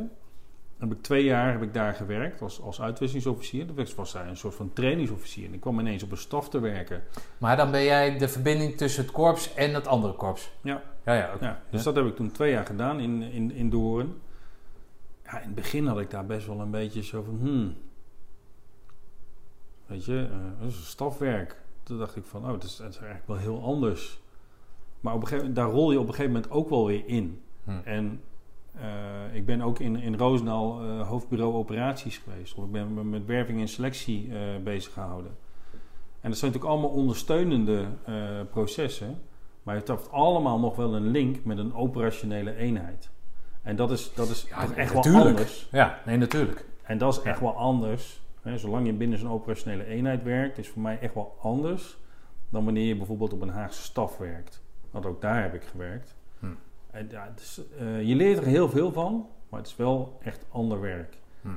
Eh, en wat het mij al met al heeft gebracht, is, is dat ik wel kijk van, oké jongens, maar dat je rijk worden binnen Defensie, als dat je doel is, dan moet je niet binnen, binnen Defensie zijn. Je kunt er een eh, goede boterham mee verdienen als je officier bent. Daar kun je je huis mee betalen. Je kunt een paar keer per jaar op vakantie. Je kunt een keer gaan uiteten. En, je, hebt het, je hebt het niet slecht. Eh, maar als je echt veel geld wil verdienen, dan moet je niet naar bij, de, bij Defensie gaan werken. Dan moet je Dus om- dat is een ondersteuning van, van, de, van het ding wat jij poneert van je moet doen wat je leuk vindt. Ja, vind ik wel. Oké. Kijk, als jij eh, zegt van, eh, van, noem maar even de, ik, ik, ik, ik ben major, hè, noem maar even wat, en, en ik moet eh, ehm, per se overste of, of kolonel worden, dan kan, weet je, dan doe het niet voor het geld. Als je dat, je, Nee, want dan moet je dus dingen gaan doen die je wellicht niet leuk vindt. Ja, dat klopt. Ja. Ja, maar dat is weet je, het, het- kijk, dat is zoals ik erin sta. Ik vind ervan, doe vooral waar je, eh, wil je bijdragen en waartoe wil je bijdragen en op welke manier wil je dat doen. Maar er zijn natuurlijk gelukkig ook mensen ja, die zeggen nee, voor mij ligt de stip is dat ik de hogere defensievorming heb gedaan. Dat ik mijn, eh, eh, noem even, me verbreed binnen de organisatie zo breed mogelijk om uiteindelijk een keer, eh, weet ik veel, een, een commandant landstrijdkrachten te worden. Dus je hebt mensen die hebben op voorhand hebben Ja. natuurlijk die ambitie. Maar ik heb die ambitie niet. Ja. Ik, ik hoef niet een commandant landstrijdkrachten te worden. Laat ik het eens omdraaien. Waarom word jij verzocht om de, die, bijvoorbeeld dat door een ding, waar je, waar je het nu het net over hebt. Wat is voor hun dan belangrijk om jou, daarvoor te benaderen? Komt dat vanuit hun, vanuit Doren, vanuit de mariniers? Of komt dat vanuit Roosendaal van douwen Sven naar voren? Want, en waarom vinden ze jou daar dan de geschikte kerel voor? Dat zit hem in, in dan ga ik het zelf vragen en ik ge- geef antwoord. Nou, maar ik kan me voorstellen dat het in je operationele eh, ervaring zit. Maar dat moet ook in contactueel iets zijn dan. Ja, nee, je moet natuurlijk gewoon eh, in bredere zin goed met mensen kunnen samenwerken. En Kan je dat? Ja. ja. Nee, maar serieus. Nee, noem, jouw, noem jouw sterke punten daarin, daarin is op dan. Nou, ik, het- er zijn maar... Er zijn maar ik kan me niet-. Als je me zou vragen, noem eens even twee namen met wie je niet kan samenwerken. Dat, dan moet ik daar echt in gaan graven. Ik kan met heel veel mensen eh, samenwerken. Ik heb gewoon met... Joh, ik, ik accepteer gewoon dat alle mensen gewoon, gewoon anders zijn... dan ze andere benadering hebben. Maar met een goed gesprek kom je er altijd samen wel, eh, wel, wel uit. Hm. En dan hebben wij over het algemeen, moet ik zeggen, wij, hè, dus noem maar even binnen het KST, over het algemeen natuurlijk wel weer die, die eh, bloedgroep daar zitten, met wie je vrij makkelijk eh, kunt samenwerken. Maar een ander voorbeeld, ik werk nu, ik ben de enige militair op een ambassade die momenteel in Doha zit, in Qatar. En daar werk ik met, met noem maar even de omgeving met mensen van, vanuit buitenlandse zaken. Ik kan daar met iedereen. eh, Hmm. Ik heb met niemand van wie ik zeg van daar kan ik, kan ik niet mee werken. Maar dat is, nog maar, dat, dat is voor mij. En dat had ik ook bij de mariniers. Ik kon daar prima met iedereen werken. Of, of, of het nou van luchtmobiel is, of het, het maakt me niet zo gek veel uit. Hmm. Het zijn allemaal, ik zeg het, zijn- het zijn allemaal net mensen. Het zijn alleen even van, van ja, hoe stel je jezelf op? En als je jezelf openstelt voor van, nee, ik wil graag met jou werken. Dan komt het 9 van de 10 keer komt het, komt het gewoon prima. Komt het goed.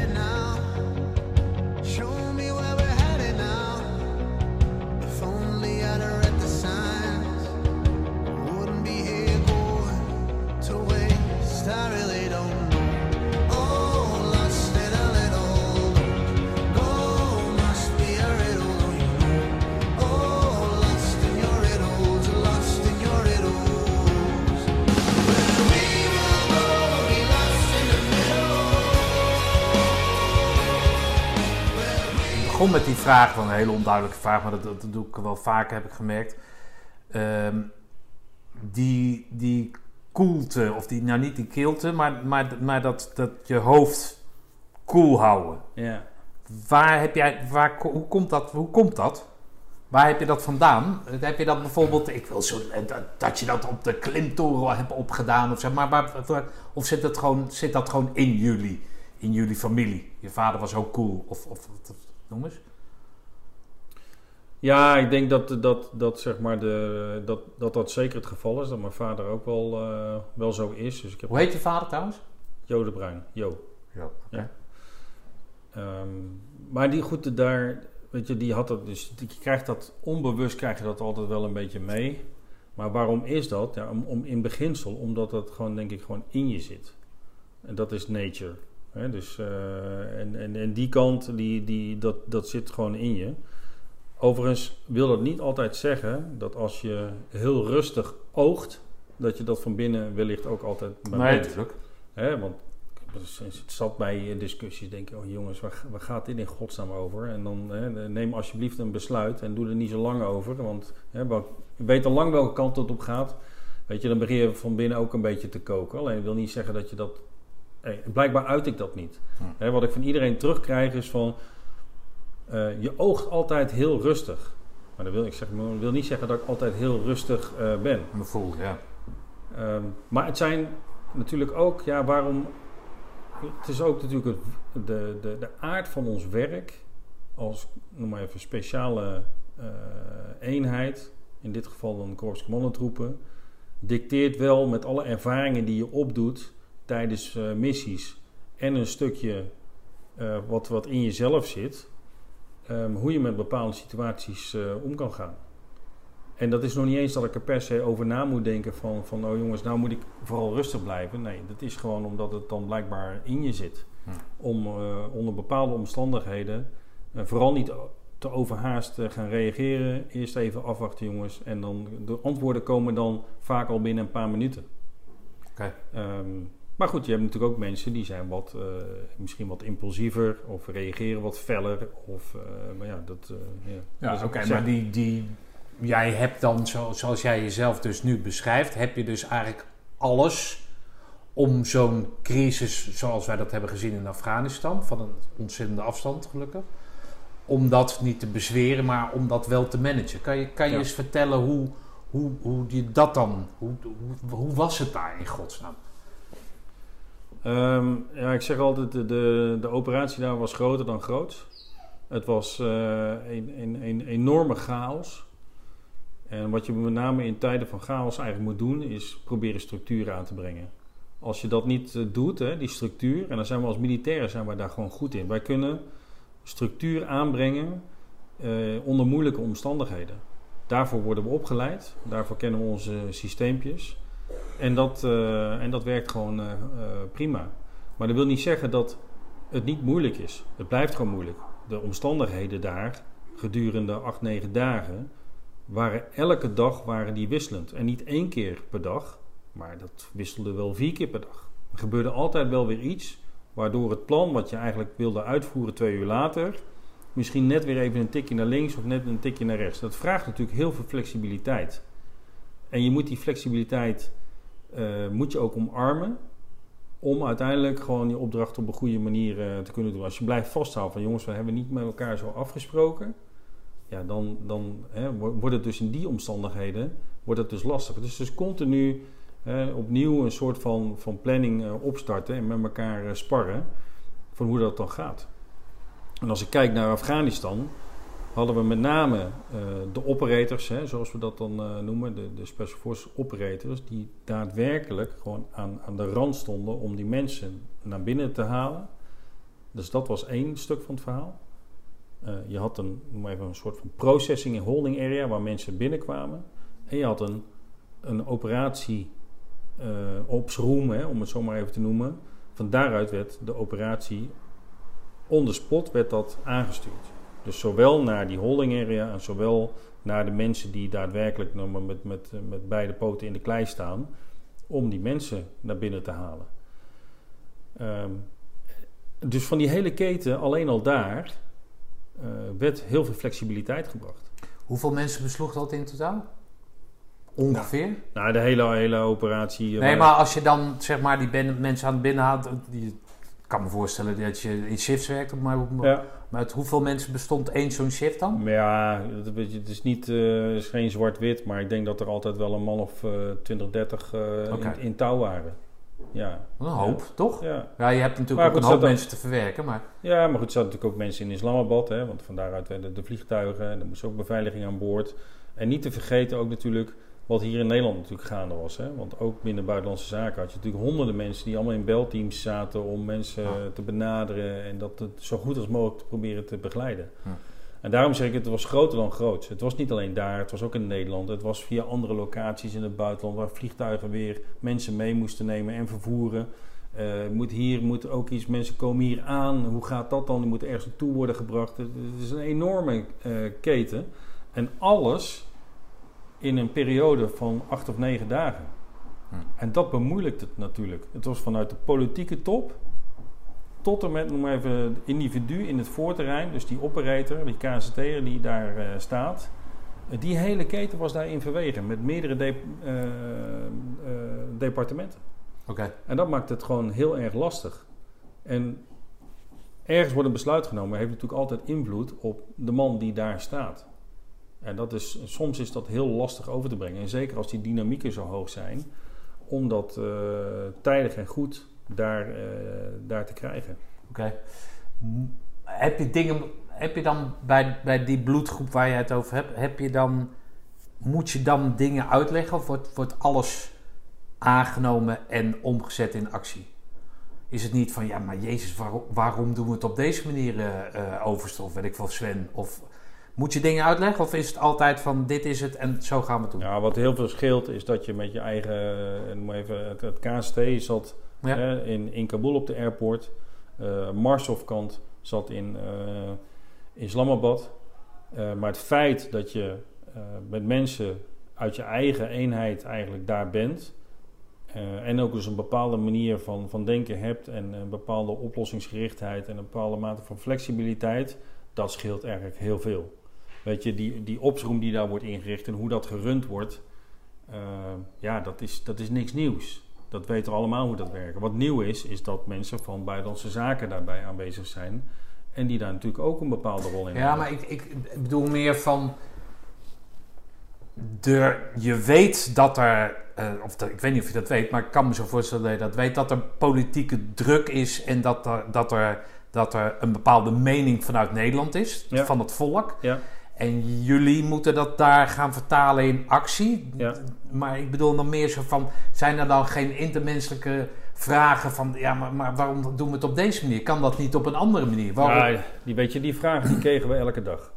Doe, we, pro- probeer dit, dit die familie staat daar. eh, probeer dat eens, probeer dat eens. En op een gegeven moment was het ook wel heel duidelijk, ook vanuit noem maar even de ambassadeur, van jongens, Nederland luister. Wij zitten hier, we begrijpen heel goed wat we moeten doen. En dit is hoe we het gaan doen. En anders kan het niet.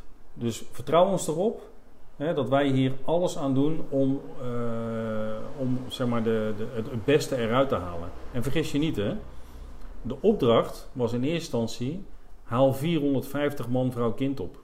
Maar het zijn er 2500 geworden. Ja, dat vertelde je inderdaad. Of Ja. in ieder geval op tv. Ja, dus dat is echt wel, hè, dus het is maal vijf. Eh, in eenzelfde tijdsbestek. Dus er is snoeihard gewerkt. En het was ook niet mogelijk om, om een 3000 te laten zijn. Of 3500. En de vraag is dan natuurlijk altijd van... En als het de 3000 waren geweest, zijn we dan klaar? Weet je, dan was het antwoord waarschijnlijk ook nee geweest. Dus dat maakt het gewoon natuurlijk lastig. Maar wat ik wel kan zeggen, is dat iedereen meer dan zijn best heeft gedaan... met heel weinig slaap... om dat resultaat te behalen. Hm. En wat je hebt natuurlijk altijd, als er chaos is... in zo'n korte periode met zoveel ketens... dan is er ook frictie. Kan niet anders. Maar het is wel dat je het met elkaar eh, probeert om die frictie zo eh, min mogelijk te laten zijn en te laten verstoren op hetgene wat je aan het doen bent. Maar wat het goede was, is dat er directe lijnen waren met de top van Nederland. Dus directe lijnen met één persoon ertussen naar richting de bewindslieden om besluiten te kunnen nemen. Hm. En dat was wel goed. Hey, jouw eh, vader was trots op jou. Hè? Die, die stuurt jou, of stuurt, maar wijst jou de weg naar, eh naar Roosendaal. Als je het dan toch doet, doe het dan goed. Ehm, jij vertelde mij in de auto dat, eh, dat, eh, dat het, bij op één verschijnen samen met de ambassadeur... dat dat een hele korte actie was. Ja. Ehm, eh, wat zeggen jouw kinderen dan? Als ze dan tv zitten te kijken en... Godverdomme, ze toppen. Ja. Hoe, wordt, hoe, hoe, hoe, hoe absor- absorberen zij dat? Ja, die, eh, de jongste vindt het vooral eh, trots. Hé, dat is mijn, eh, mijn papa. Hè. Dus ja, wordt hij aangesproken ja, op school? Ja, vindt hij. Ja, het was natuurlijk laat, hè. Dus Ja, nee, oké. maar goed, als papa Ja. op de tv is, Ja. dan... Ja. Ja, ik ben ook een keer bij hem op school zelf geweest, in tenue. Dus dat vinden de kinderen natuurlijk mooi. Hè? Een verhaaltje gehouden over het korps. Ehm, Nee, maar kijk, eh, mijn dochter en mijn zoon, die, die zijn natuurlijk wat verder. Ja. En die, eh, die zijn er ook echt wel voor gaan zitten. En dan eh, dat is natuurlijk ook wel trots hè, dat, eh, dat, dat ze pa zien. En eh, dat het dan toevallig ook nog gelukt is. ja, oké. Maar krijg je dan appjes, zij ze dan, pap, ik ben godverdomme trots wel. op je. Ja, Dat- ja, zeker, Ja? ja. Ja, is mooi toch? Goed gedaan, pap. Ja, ja, Met- Met een hartje erbij. Dat is toch Ja, fantastisch? prachtig. Ja. Ja. prachtig inderdaad. ja. Ja, mooi.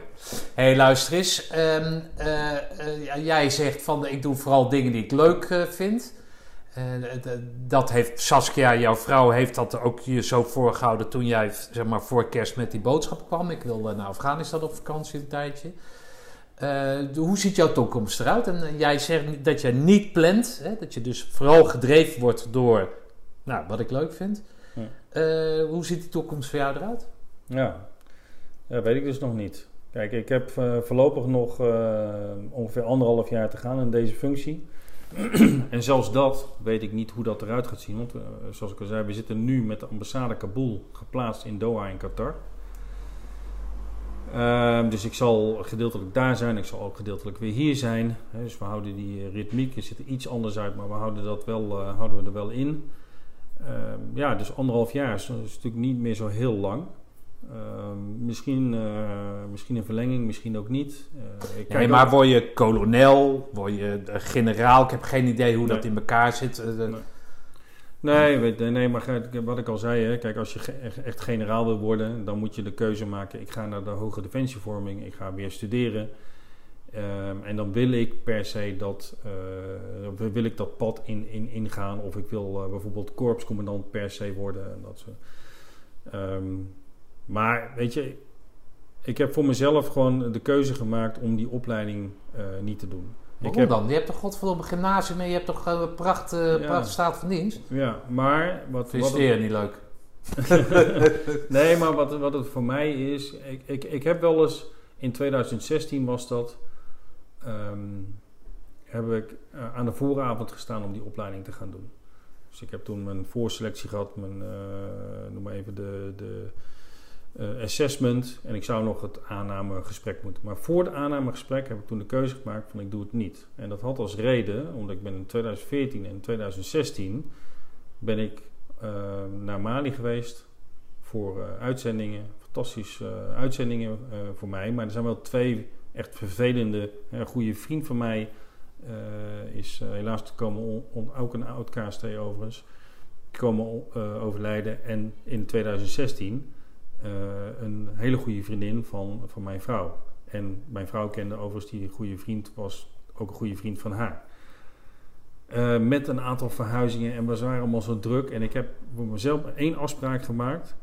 Ik wil het gewoon in goed overleg doen wat ik doe met, met thuis. Dus wat ik nu doe moet ook gewoon in goed overleg zijn. En ook als ik een opleiding voor een hogere defensievorming zou doen, moet ook in goede, goed overleg zijn. En eigenlijk kwamen we met elkaar tot de conclusie in de periode 2016.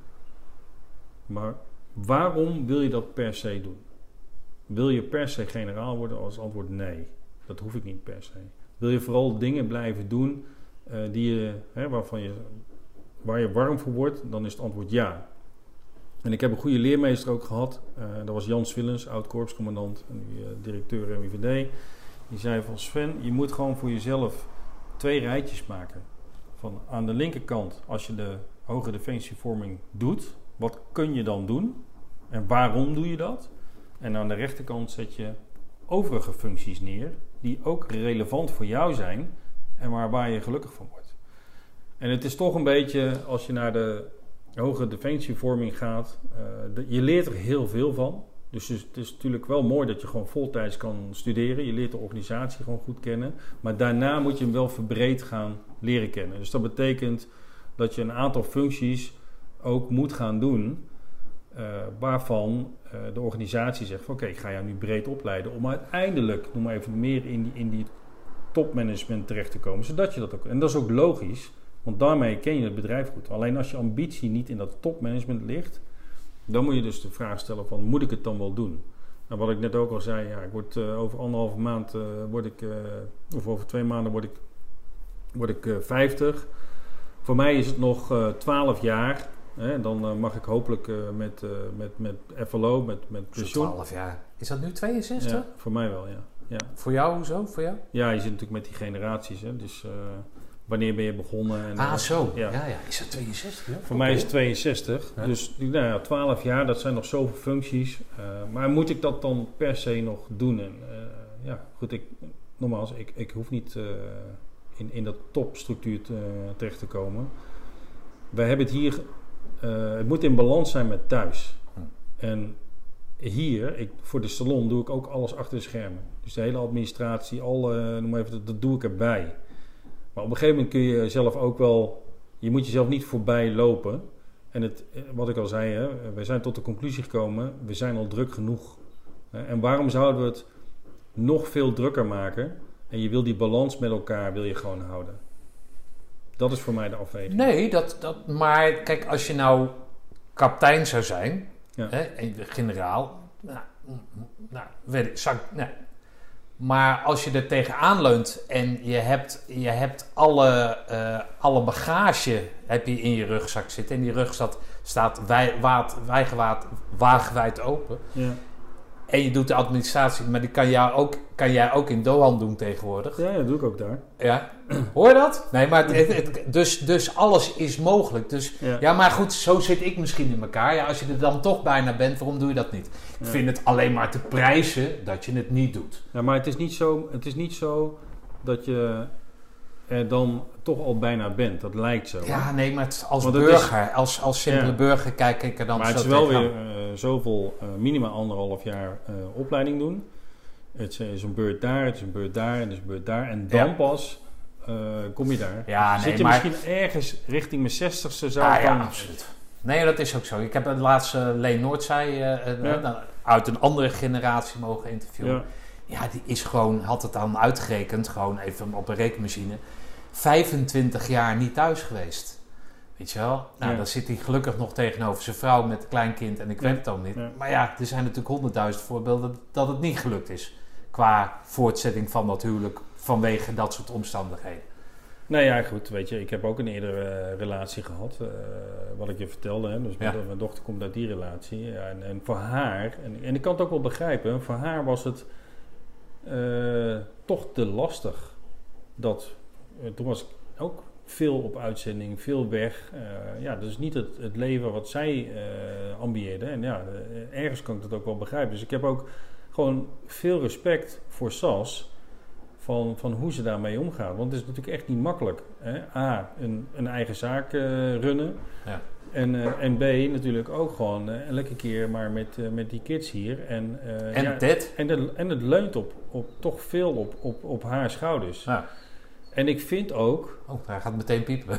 Ja, hij zit aan zijn, aan zijn poten likken de hele tijd. Oh, Hij heeft een hondje, denk ik. Ja. Maar ik vind ook dat je goed moet kijken...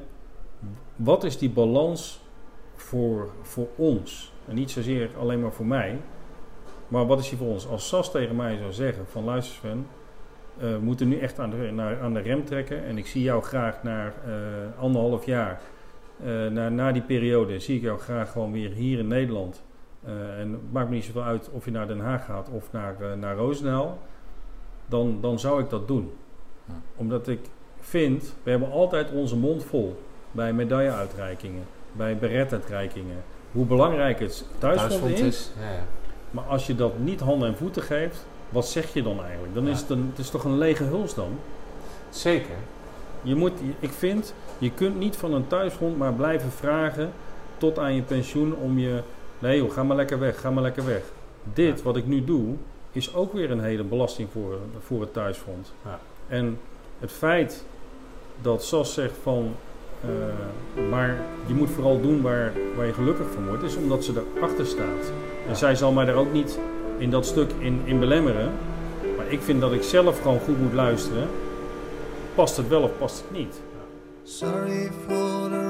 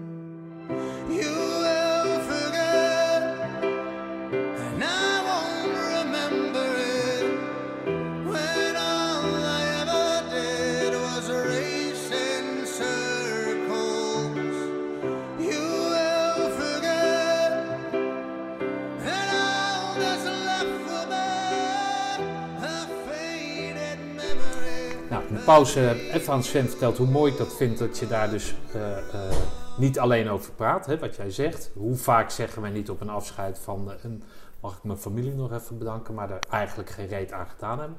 Kan natuurlijk een tijdsbeeld zijn. Eh, maar waarom, hè, dat is jouw, opmerking, waarom breng je dat niet in de praktijk? Dat geeft je aan dat jij daar eh, naar streeft. Hè? Dat, je, dat, je, nou, dat is ook een voorwaarde voor een goede relatie kan ik ook precies. Het, eh, het gaat, zegt ook wat over mij. Ik ben ook gescheiden, dus, dus ik, ik, ik ken het. Ehm, jij bent voorzitter van de eh, Commando, Commando Family Foundation. Ja.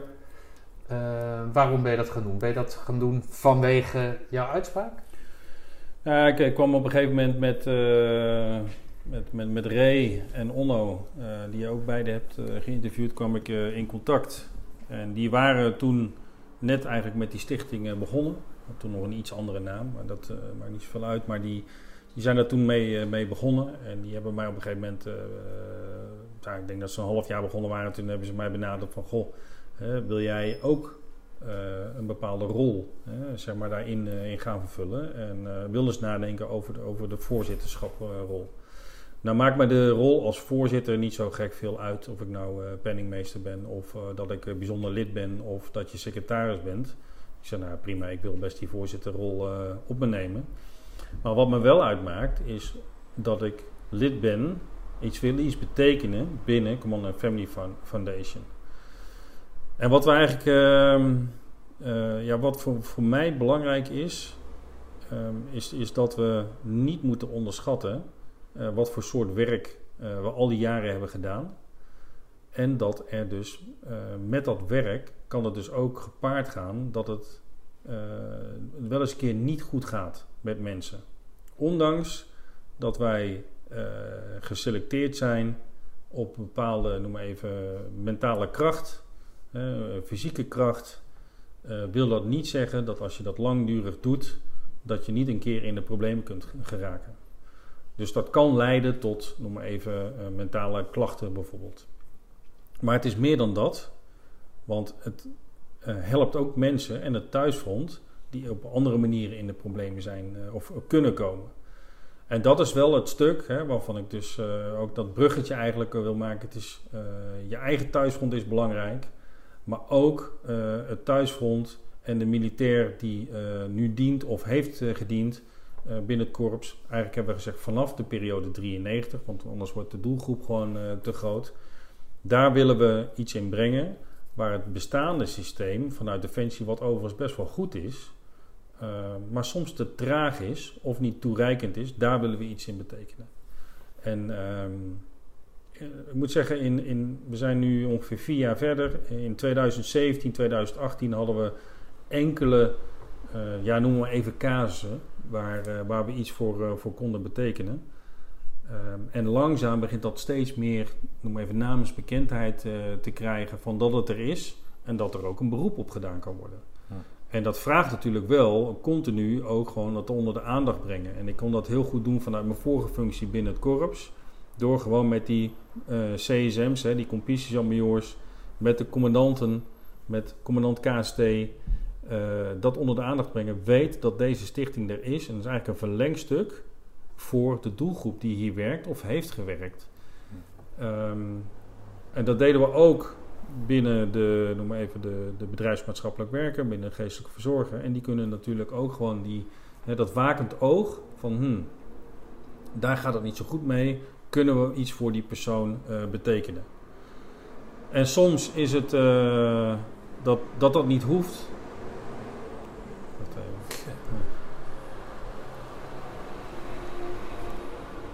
Soms is, dan, dan hoeft het niet, omdat het, het systeem vanuit, noem even Defensie of van het KST, die, die dekt die lading. Maar soms ehm, moet het ook wel. Het is een hele gekke term, maar zou je het kunnen zien nu als een soort eh, secundaire arbeidsvoorwaarde dat, dat jullie er zijn? Van de kerels die nu in dienst zijn, stel dat er wat is, dan, dan zijn daar mensen die uit datzelfde hout, bloedgroep, nou, geef een naam.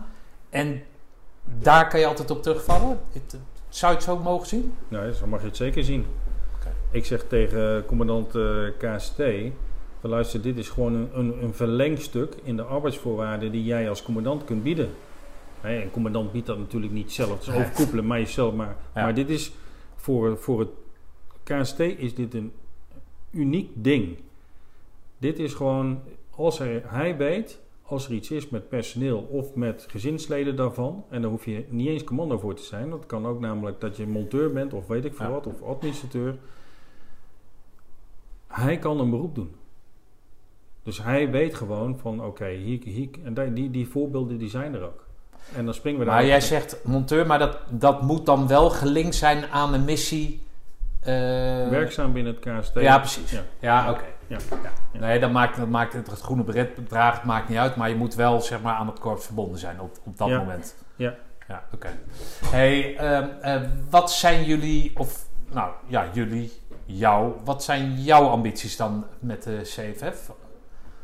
Hiervan uitgaan, dat als Ja. basis hebbende. Nou ja, maar mijn, mijn ambitie, voor onze ambitie, is, is, is hoofdzakelijk eh, een helpende hand bieden waar dat nodig is. Ehm, en vooral zorgen eh, om te voorkomen dat mensen tussen wal en schip gaan, eh, gaan raken. Wat eigenlijk gewoon voorkomen had kunnen worden. Hm.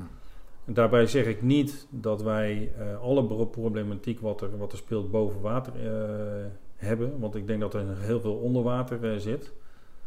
Maar sommige dingen hebben wel gewoon tijd nodig. En, ja, en niet iedereen moet ook accepteren, maakt daar natuurlijk gebruik van. Als ik ergens met een probleem zit, sta ik ook niet meteen uh, bij, bij de buren aan te bellen van joh, kun je mij helpen? Dan probeer ik het eerst zelf op te lossen. Maar er komt misschien een keer een moment dat mensen dat niet meer zelf kunnen. En dan hebben ze een, hulpende, of een helpende hand uh, nodig.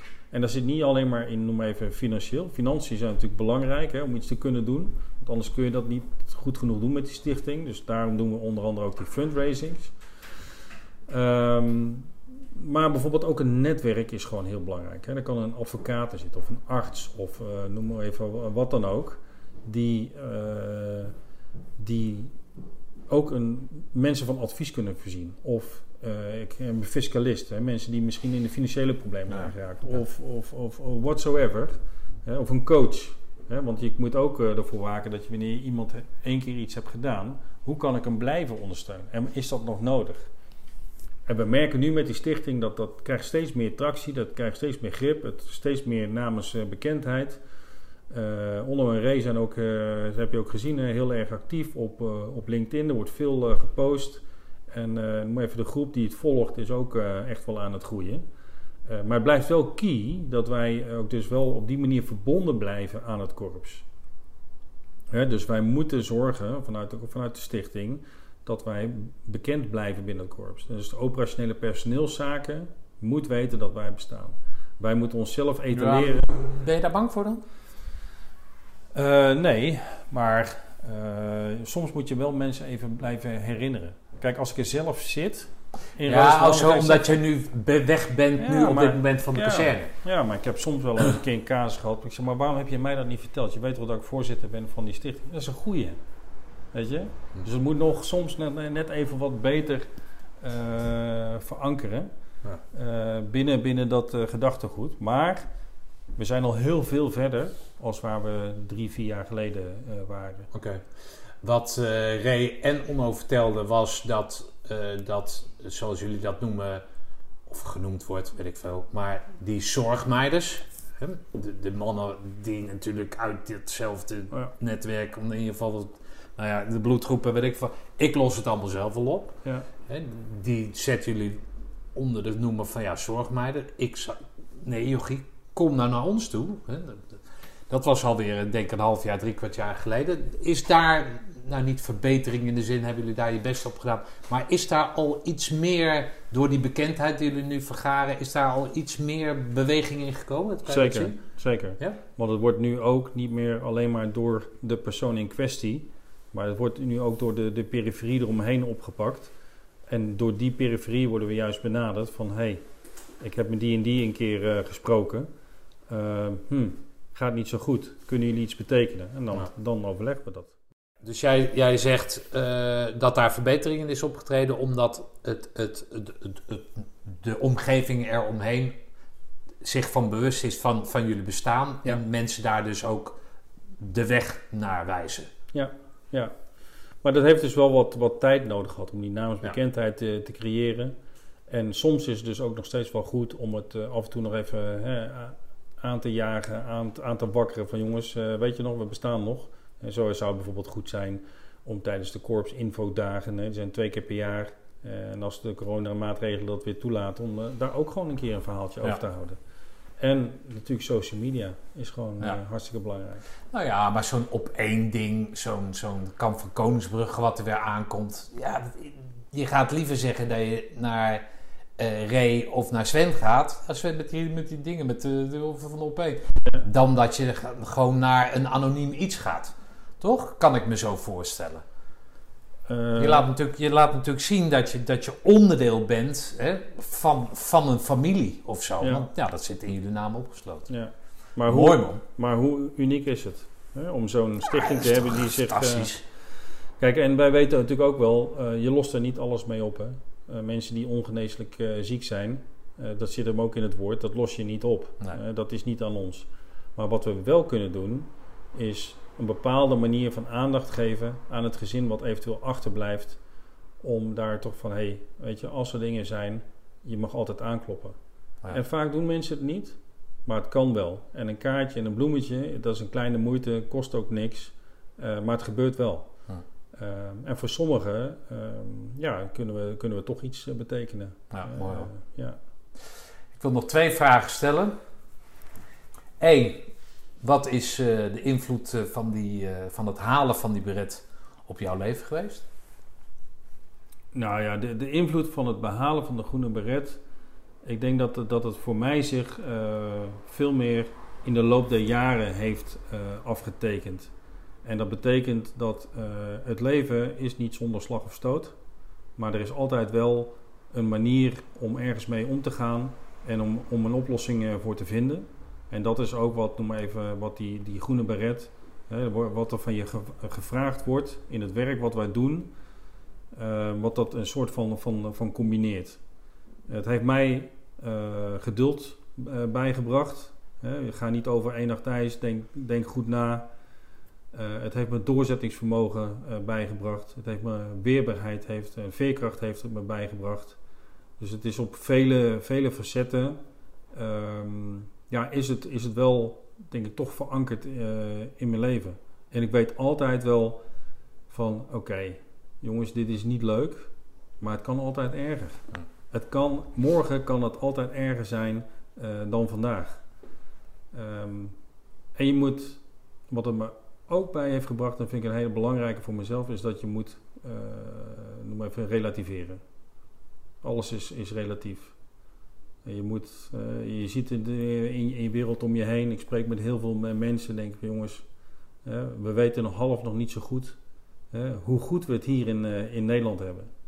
Top Eh. 4 van de rijkste landen ter wereld, hè? dat las ik laatst. Ja, zijn wij de top 4? Het zitten in de top 4, zullen Ja. nummer 4 zijn. Ja. Maar goed, eh, weet je, en je kunt het mensen niet kwalijk nemen dat ze bepaalde dingen niet weten, omdat ze niet mee geconfronteerd worden. Maar we hebben het met elkaar allemaal wel heel erg goed hier. En voor mij is het wel weer van, oké, weet je, ehm, ook door de ervaringen die je hebt opgedaan voor het behalen van die groene beret en hoe dat, zeg maar, voortgezet is in, in het verdere stuk van je, van je leven. Het heeft laten zien dat je in staat bent om onder hele moeilijke fysiologische en mentale omstandigheden om toch eh, je werk te blijven voldoen. En blijkbaar ehm, is het werk wat wij doen is niet normaal. En dat hoor ik heel vaak om me heen. Terwijl het voor mij voelt het als Ja. normaal. Maar blijkbaar doen we dan toch iets wat voor eh, heel veel mensen eh, als bijzonder. Hè? Mijn, mijn, mijn vrouw Sas die zegt van ja, maar voor jou is het normaal. Maar wat je, het werk wat jullie doen, dat is niet normaal. Dat is niet doorsnee. Jullie gaan echt eh, veel verder als hè, waar andere mensen echt maar even letterlijk zouden zeggen: ja, maar tot hier en niet verder. Dus, weet je, daar begint het vaak voor ons eh, eh, pas. Maar het zijn wel, noem even de ervaringen die je met elkaar op hebt gedaan door de jaren heen. Dus het is niet alleen zeg maar, dat stukje van noem even het behalen van de groene beret. Ik denk dat dat wel een belangrijk stuk is om, noem even als fundament, om de rest te kunnen doen. Absoluut. Ja, het- goed. En dan zal die voor jou anders zijn, hè, omdat jij zelf jezelf de gelegenheid hebt gegeven om die kennis te, te uit te bouwen door beroeps te worden. Ja. Hè, voor een dienstplichtige zoals ik geldt dat natuurlijk anders. Over dat relativeren kan ik me voorstellen dat jij, als jij dat dan beschrijft zoals op dat vliegveld dan in Afghanistan, ja, dat dat wel relativerend werkt, lijkt mij. Je moet wel. Ja, dat Ja. kan toch niet anders? Ja, dat moet. Als je dan weer hier, hier bent en, en eh, nou ja, je kent het. Ja. Je, je, je- je snapt wat ik wil zeggen. Iemand loopt te zeuren in de supermarkt dat hij niet opschiet. En jij staat daar bovenop zo'n dak eh, in hè, die mensen met, met, met... Ja, dat lijkt me verschrikkelijk, verschrikkelijk mooi eh, eh, relativerend werk. Heb ik jou nog dingen gevraagd die ik je had moeten vragen? Ehm, nee, ik vond het gewoon eh, leuk om eh, op deze manier even met je te spreken, joh. Leuk om te doen. En eh, ja, weet je, ik zei al, uh, vragen vrij. Ik heb niet echt, eh, de, ja, echt dingen gemist. Nee. Waarvan ik zeg van, oké, ik had verwacht dat je dat zou vragen of zo, of dat soort dingen. Oké. Eh, Nou, hartstikke goed Sven. ja, Dan eh, wens ik jou eh, heel veel succes. Eh, eh, aankomende week 1 november, hè? Ja, dan, dat, we zenden het later uit, maar dan heb je een heel mooi event met het eh, CCFF. ja, 2 november. Dinsdag. 2 november, oh ja. ja. Dat- dat- nou, je kan wel even vertellen als laatste dan wat jullie dan gaan doen. En dat dat wellicht een voorbeeld is waarop andere mensen jullie zeg maar, als goed doel kunnen adopteren. Zou je daar Ja. dan wat over Ja, kunnen nee, zeggen? ja, ja, bedankt voor het opbrengen. Maar kijk, ehm, ik ben benaderd, dus ook alweer een stukje netwerk wat je dan eh, blijkbaar hier ergens hebt. En dan wordt bijvoorbeeld zo'n zo'n op één stuk wordt dan ook weer opgepikt. En er zijn, je hebt hier die serviceclubs, in dit geval is dat de, de juniorenkamer van, eh, van Roosendaal. Hè, Rotaries, eh, Ja. Lions. Ja, en, ja, dat soort. En die op. zeggen van, nou, er is bijvoorbeeld een, een, eh, een bestuurslid die zegt van, joh, ik wil dat wat meer samen gaan brengen. En wij willen als eh, serviceclub willen we ook iets gaan doen om een goed doel te ondersteunen. En hoe mooi kan het zijn om in dit geval het KST zit in Roosendaal, hè, zit al heel lang in Roosendaal, om iets voor het KST te doen met de stichting Command and Family Foundation. Nou, daarvan eh, merk je gewoon dat, dat het verhaal in, in, Kabul, dat, dat het echt nog wel bij mensen zit van oké, maar hoe is het nou echt geweest? Want we horen natuurlijk veel al de, de, de debatten gaande, er worden allerlei kamervragen, maar, maar wat is het verhaal? Hoe was het nou underground en hoe, hoe is dat ervaren? En je merkt gewoon dat mensen daar niet nieuwsgierig naar zijn. Dus ik ben benaderd van Sochel. Zou jij bereid zijn om dat verhaal een keer eh, dan te doen? En we zien dat ze en zo, dus we zijn wat gaan sparren. En ze willen dus de opbrengst, want we gaan het in de Schouwburg doen hier in Roosendaal. Ze willen de opbrengst, dus de kaartverkoop, willen ze volledig toebedelen aan noem maar even de stichting. Nou, en Dus zij nemen de huur van de, van de Schouwburg op zich. Ja. En de 1750 entree per persoon, die gaat rechtstreeks naar de, naar, naar, naar, naar de foundation. Ja. Zo, dat is trouwens mooi. zullen links en rechts misschien wat, eh, wat onkosten zijn, maar eh, we verwachten dat, eh, dat het uitverkocht zal zijn. En dan gaat er in ieder geval een, Zo, heel, mooi, mooi, heel mooi bedrag, Ja. in ieder geval richting de stichting. En daarvan hebben we gezegd van, ja, dat, weet je, dat willen we doen. Dus Ray zal daar ook vanuit, noem maar even de stichting, even een paar mooie woorden tot het publiek richten. Oké, maar wat is die stichting nou precies? Waarvoor doen we het? Eh, waarvoor zijn we hier vanavond? En er zal ook nog een spreker zijn, eh Siert Nutma, op het gebied van hoe even mentale veerkracht, die natuurlijk ook zijn achtergrond heeft eh, binnen het Korps Commando Troepen. En die dingen, hè, ik zal dan starten en die worden een beetje aan elkaar, dus er zullen overal bruggetjes in zitten. Ja. Eh, ja, door noem maar even de, aard van het werk, door de mensen eh, en waarvoor we deze eh, stichting in het leven hebben geroepen. Ja, en weet je, het is natuurlijk fantastisch als je dat gewoon hier in Roosendaal kan doen. Vertel nog even, want eh, dan, dan als we er toch over bezig zijn. Jullie hebben ook een event gehad met de Harde Leerschool. Ja. Kan je daar even wat over vertellen? Ja. Hoe, hoe dat dan samenkomt? Ja, nou kijk, ik heb in mijn vorige functie als chef staf was ik al veel met Ed in, in Conclave. Het eh, Oskan? Ja. Ehm Ed Oxfam heeft me toen een keer benaderd van... joh, wij zijn van de harde leerschool en eh, wij, wij, wij helpen, noem maar even, wat jong, eh, jong, jongvolwassenen, adolescenten... die wat afstand tot de arbeidsmarkt, die proberen we te helpen. En dat doen we ook door middel van coaching en door rugby. En wat we graag zouden willen doen, is dat wij eh, één keer met zo'n lichting, zo'n programma van acht weken, het tentenkamp mogen gebruiken. Nou, toen hebben we gezegd van nou, hartstikke leuk hè. Wij willen ook eh, als, als KST ons maatschappelijk verbinden. Het is voor ons niet ondernemen, maar het, het, het verbinden. Dus we willen dat wel eh, daar waar het past. Hè, als het onze programma's niet in de weg zit, willen we dat eh, best wel toestaan. En op een gegeven moment diende zich een vorig jaar kerst vanuit de gemeente. Die hadden de behoefte om de jongeren tijdens de co- coronaperiode, om die even goed bezig te houden in de buitenlucht.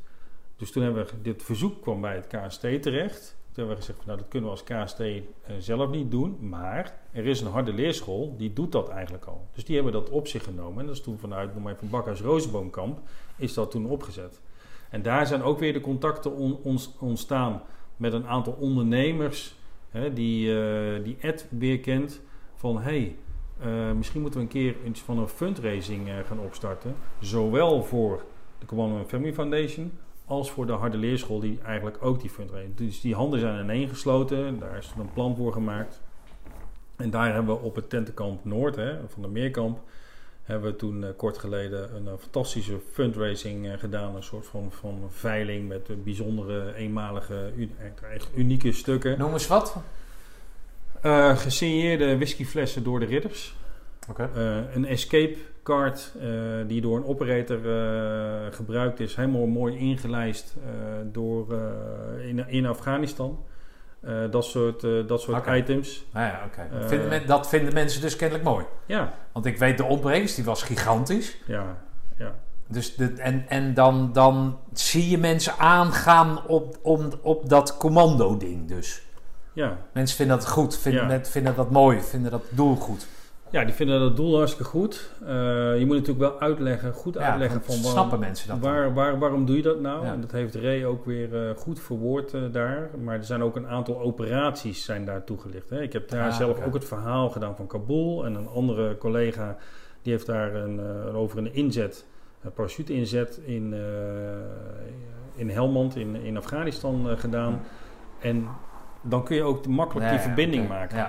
En mensen vinden het dus ook gewoon vanuit die bedrijven, een, een welvarend bedrijfsleven, die, de goede ondernemers, die zeiden van ja, maar ik, weet je, ik wil me ook gewoon maatschappelijk verbinden. En ik Ja. vind dit mooi om dat voor deze doelgroep te doen. En ons helpt het om, eh, om natuurlijk gewoon weer die helpende hand. Ik Ja. zeg, zonder financiën gaat het niet.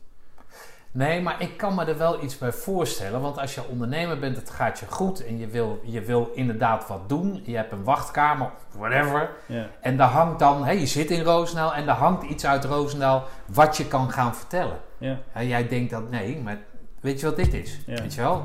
Dan heb je, meteen een, heb je meteen een aansluiting. Je hebt meteen een gesprek. En daarna ga je zakelijk over. En daarna kom je weer terug daarop. Ja. Weet je wel? Ja, fantastisch. ja. Ja, mooi man. Mooi toch? Ja, nou, geweldig. Ja. Sven, dankjewel. Graag gedaan. En eh, nou, volgend jaar. Hè. Ja, Dank je. super. Jij ook bedankt. Beste Sven, dank voor het boeiende verhaal. Hou de boel in balans en keep safe.